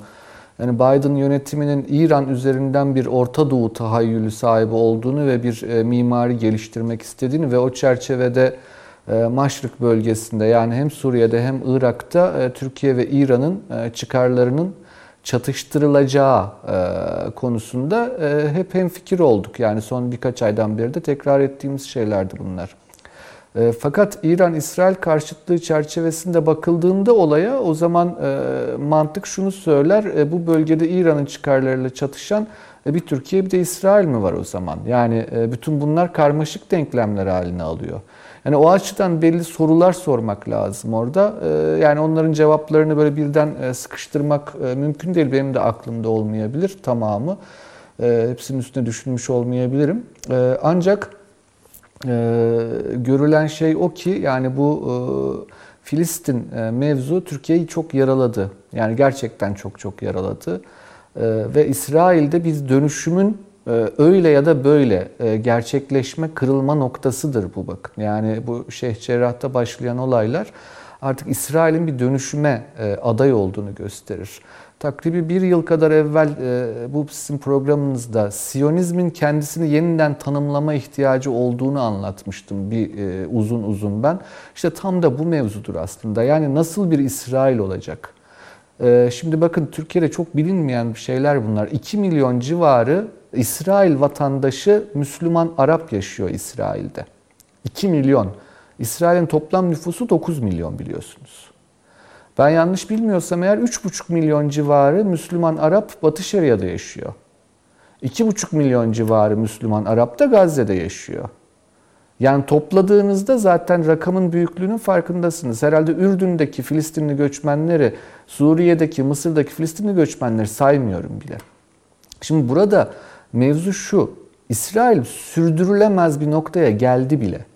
Ve e, İsrail adına son çırpınışı değil bu yaptıkları. Bu Netanyahu'nun kendi iktidarı için son çırpınışı. Çünkü buradan huzur dolu bir İsrail çıkarma şansı yok. E, biraz önce o yüzden söyledim. Kendi iktidarını koruyabilmek adına bütün bir ülkeyi ateşe attı Netanyahu. Olan şey budur. Ee, Şimdi oradan hani son söz Lapid ve Bennett ittifakının e, eğer bir koalisyon kurmayı becerirlerse daha olumlu mu olumsuz mu olur konusunda onu tartışmanıza e, yani sizlerin de bilgisini arz etmek isterim bir soru olarak. Şimdi bu ikisi e, Türkiye konusunda son derece septikler, son derece e, kaygılılar. Bir tanesi yerleşimci, gayet yerleşimlerin yayılması taraftarı. Yani ikisi de gayet de hani keskinler aslında. Ama Netanyahu'dan belli farkları var. Mesela Batı ile Amerika ile daha iyi anlaşmak istiyorlar. İsrail'in bir şekilde bir çözüme ulaşması gerektiğini söylüyorlar artık. Yani bunun sürdürülemez olduğunu söylüyorlar. Onun da sebebi şu. İsrail halkı şu an ortadan ikiye yarılmış durumda. %50-50 aynen Amerika'ya anlattığımız gibi. Ama bu %50-50 bizi çok yanıltır. İsrail'in öyle ayrımları var ki kendi içerisinde. E, hatta zaten İsrail çalışan e, bütün makalelerde devamlı o kelime kullanır. Cleavage diye bir kelime vardır. Ayrım, yarıklar. İsrail yarıklar ülkesidir zaten. Ve yani %50-50 yar, yarığının altında pek çok farklı yarılma var. Ama çok açık bir husus var. İsrail'de herkes bir şeyin farkında. Bu iş böyle gitmez. Bir şeylerin yeniden tanımlanması gerekiyor İsrail'de.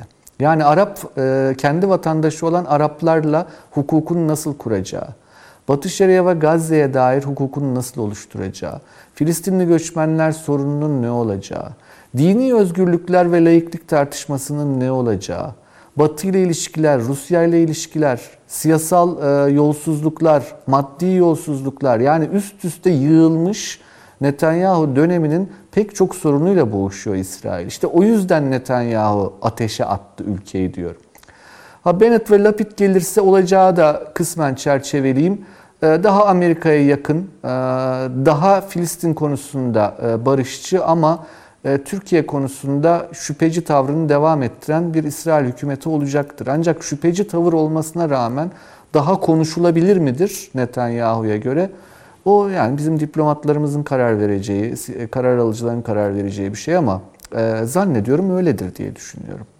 E, Netanyahu'ya baktığınızda ise Netanyahu'nun e, eğer iktidarda kalırsa bütün bu olayların da yatışacağını düşünürsek eğer e, özellikle Rusya ile ilişkileri e, çerçevesinde bir şekilde yeniden kendisini konsolide edebilme şansı var. Bu Amerika açısından ne ifade eder? İran-İsrail ilişkileri açısından ne ifade eder? Türkiye'nin bölgedeki çıkarları açısından ne ifade eder? Ayrı ayrı başlıklar olarak ama bir televizyon programının sınırlarını çok açan, aşan başlıklar olarak e, tartışılması, konuşulması gereken şeyler. Kafkasya'da İsrail'in varlığı da e, yine benzer bir çerçeve içerisinde değerlendirilmek durumunda. Çünkü ee, orada bir şekilde e, Rusya-İsrail ilişkilerinin Rusya-İran ilişkileriyle beraber değerlendirilmesi gerekiyor. Ee, İsrail'in ve Rusya'nın ve İran'ın her üçünün de ayrı gündemleri olduğu açık. Ee, ancak burada Türkiye'nin de bir gündemi var olmak durumunda. Yani e, zaten bütün bir Güney Kafkasya'ya dair temel iddia e, Türk topraklarının geri alınması. Çünkü işgal altındaydı, Ermeni işgali altındaydı ve Türk toprakları arasındaki bağlantının tamamlanmasıydı. Yani Türkiye'nin bundan vazgeçmeyeceği kanaatindeyim ya da en azından umudu içindeyim e, diyeyim. Bu noktada da Türk-İsrail ilişkileri önemli. Türk-İran ilişkileri önemli, Türk-Rus ilişkileri önemli. E, ancak eğer ki Karabağ'da büyük, oranda Rus askeri birliği ve Nahçıvan Azerbaycan anakarası birleştirilememiş durumdaysa Valla Amerikalılar da dönüp derler ki e, o zaman siz ne kazandınız bu işten diye. Valla çok da haksız olmayabilirler. Bu, bu soruların cevaplarının bulunması gerekir diye düşünüyorum. Ee, Peki Bunları hocam. önemli buluyorum ama hani son söz olarak şunu söyleyeyim. Yani e, bu yaşanan görüntüler hani bugün e, gördüğümüz görüntüler çok acıklı. E, ama dediğim gibi yani siyasetten ari bir değerlendirme yapmaya çalıştığımızda, duygusal yaklaştığımızda bizi yanıltır. Tabii ki duygularımızla da yaklaşacağız ama aklımızın bir tarafı da ak- akıl yoluyla analiz etmek durumunda oradaki siyasi dengelerin ne yazık ki çok kirli olduğunu yani hem İsrail tarafında hem Filistin tarafında e, çok kirlenmiş olduğunu akıllarda tutmakta fayda var diye düşünüyorum. Peki. Peki hocam. Teşekkür ediyorum. Hocam bir şey mi ekleyeceksiniz? Ben tabii şöyle diyeceğim yani hocamın söylediğine yani bu iktidar koalisyon e, şeklinde bir yapılanmaya giderse e, ikisinin de önceliği bence Yunanistan'la işbirliğini arttırmak olacaktır Hı. yani burada. E, diğeri e, İsrail bu konuda Türkiye ile Mısır ilişkileri konusunda Mısır'ı zorlayacaktır. E, özellikle hem savunma sanayi e, hem de e, Akabe Körfezi'nden bir hat yani bunun yapılacağı yok ama e, ve diğer taraftan da Etiyopya üzerindeki etkisini arttırarak e, Mısır'ı bu konularda da çevrelemeye çalışacaktır. Ee, zaten Birleşik Arap Emirlikleri ve diğer ülkelerde çalışan işçiler de e, geri döndükleri için böyle bir içi geliri de yok, döviz geliri de yok. E, bir tek Kızıldeniz'den elde ettiği gelir var. E, bu konuda Mısır'ı da zorlayacaktır ve aynı şekilde de Amerika üzerinden de özellikle Selman üzerinde bu yargılanma ve diğer hususlarla ki Selman'ın da son zamanlarda biliyorsunuz İran'a doğru dönük bir takım hamleleri var. bunu da dikkate almak lazım. bu da e, sonucu nereye götürecektir? Diğer taraftan tabii İran'da Çin'in etkisini almak lazım. E, İran'da biliyorsun 25 yıllık bir anlaşma var. Daha evvel de söyledik. Amerika İran'a bir görev vermiş gibi. E, Pakistan, e, Afganistan'ın batısını sen doğusunu Pakistan düzene al gibi. e, buna gidecek gibi görünüyor. Peki. Evet. Suudi Arabistan'la da Pakistan görüşmeleri, Evet, var görüşmeler şu anda. başladı. Evet. Dikkat etmek lazım. Peki. Efendim e, uzun zamandır esasında tek olarak İsrail konuşmuyorduk. En direkt olarak birçok konumuzun içinde geçti. E, aslında bir baştan sona ele alınması iyi oldu bu akşam. Ama özellikle İsrail nasıl durdurulacak sorusuna cevap aradık. Buradan çıkan cevaplar, akıl odasından çıkan cevaplar e, tat yani öfkenizi tatmin edecek boyutta olmayabilir. Ama gerçekler bu. Daha da önemlisi bunun sorumlusu konjonktür, bölgesel konjonktür, dünya konjonktürü Türkiye'nin suçu değil. Türkiye'nin suçu değil.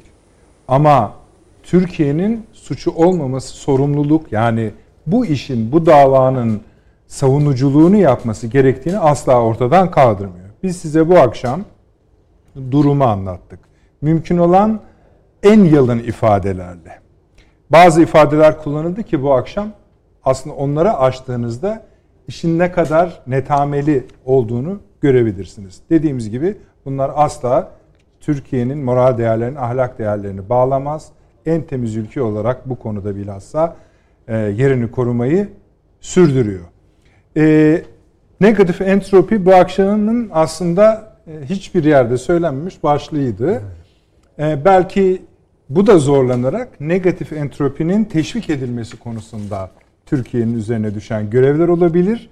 Bunların neler olabileceği bir televizyonun Evet. konuşmasının gereği değil, içeriği değil. Onu yapacak insanlar, düşünecek insanlar başkaları. Ee, ama bunun bile böyle ortaya konmuş olması bir fazlalık, bir verim öyle söyleyebiliriz. Efendim, e, önümüz bayram. E, bayramınızı tebrik ediyoruz, kutluyoruz. E, ve bu vesileyle de sizden bir gün izin istiyoruz Perşembe akşamı için. Huzurlarınızda olmayacağız. Bir gün tatil yapacağız efendim. E, 01'de bu akşam her zaman olduğu gibi tekrar var programın. E, yine ertesi gün YouTube'dan da izleyebilirsiniz. Sosyal medya katkılarınızda program biter bitmez tek tek okunacak, değerlendirilecek, cevap verilecek efendim. E, iyi geceler, iyi bayramlar olsun efendim. İyi bayram.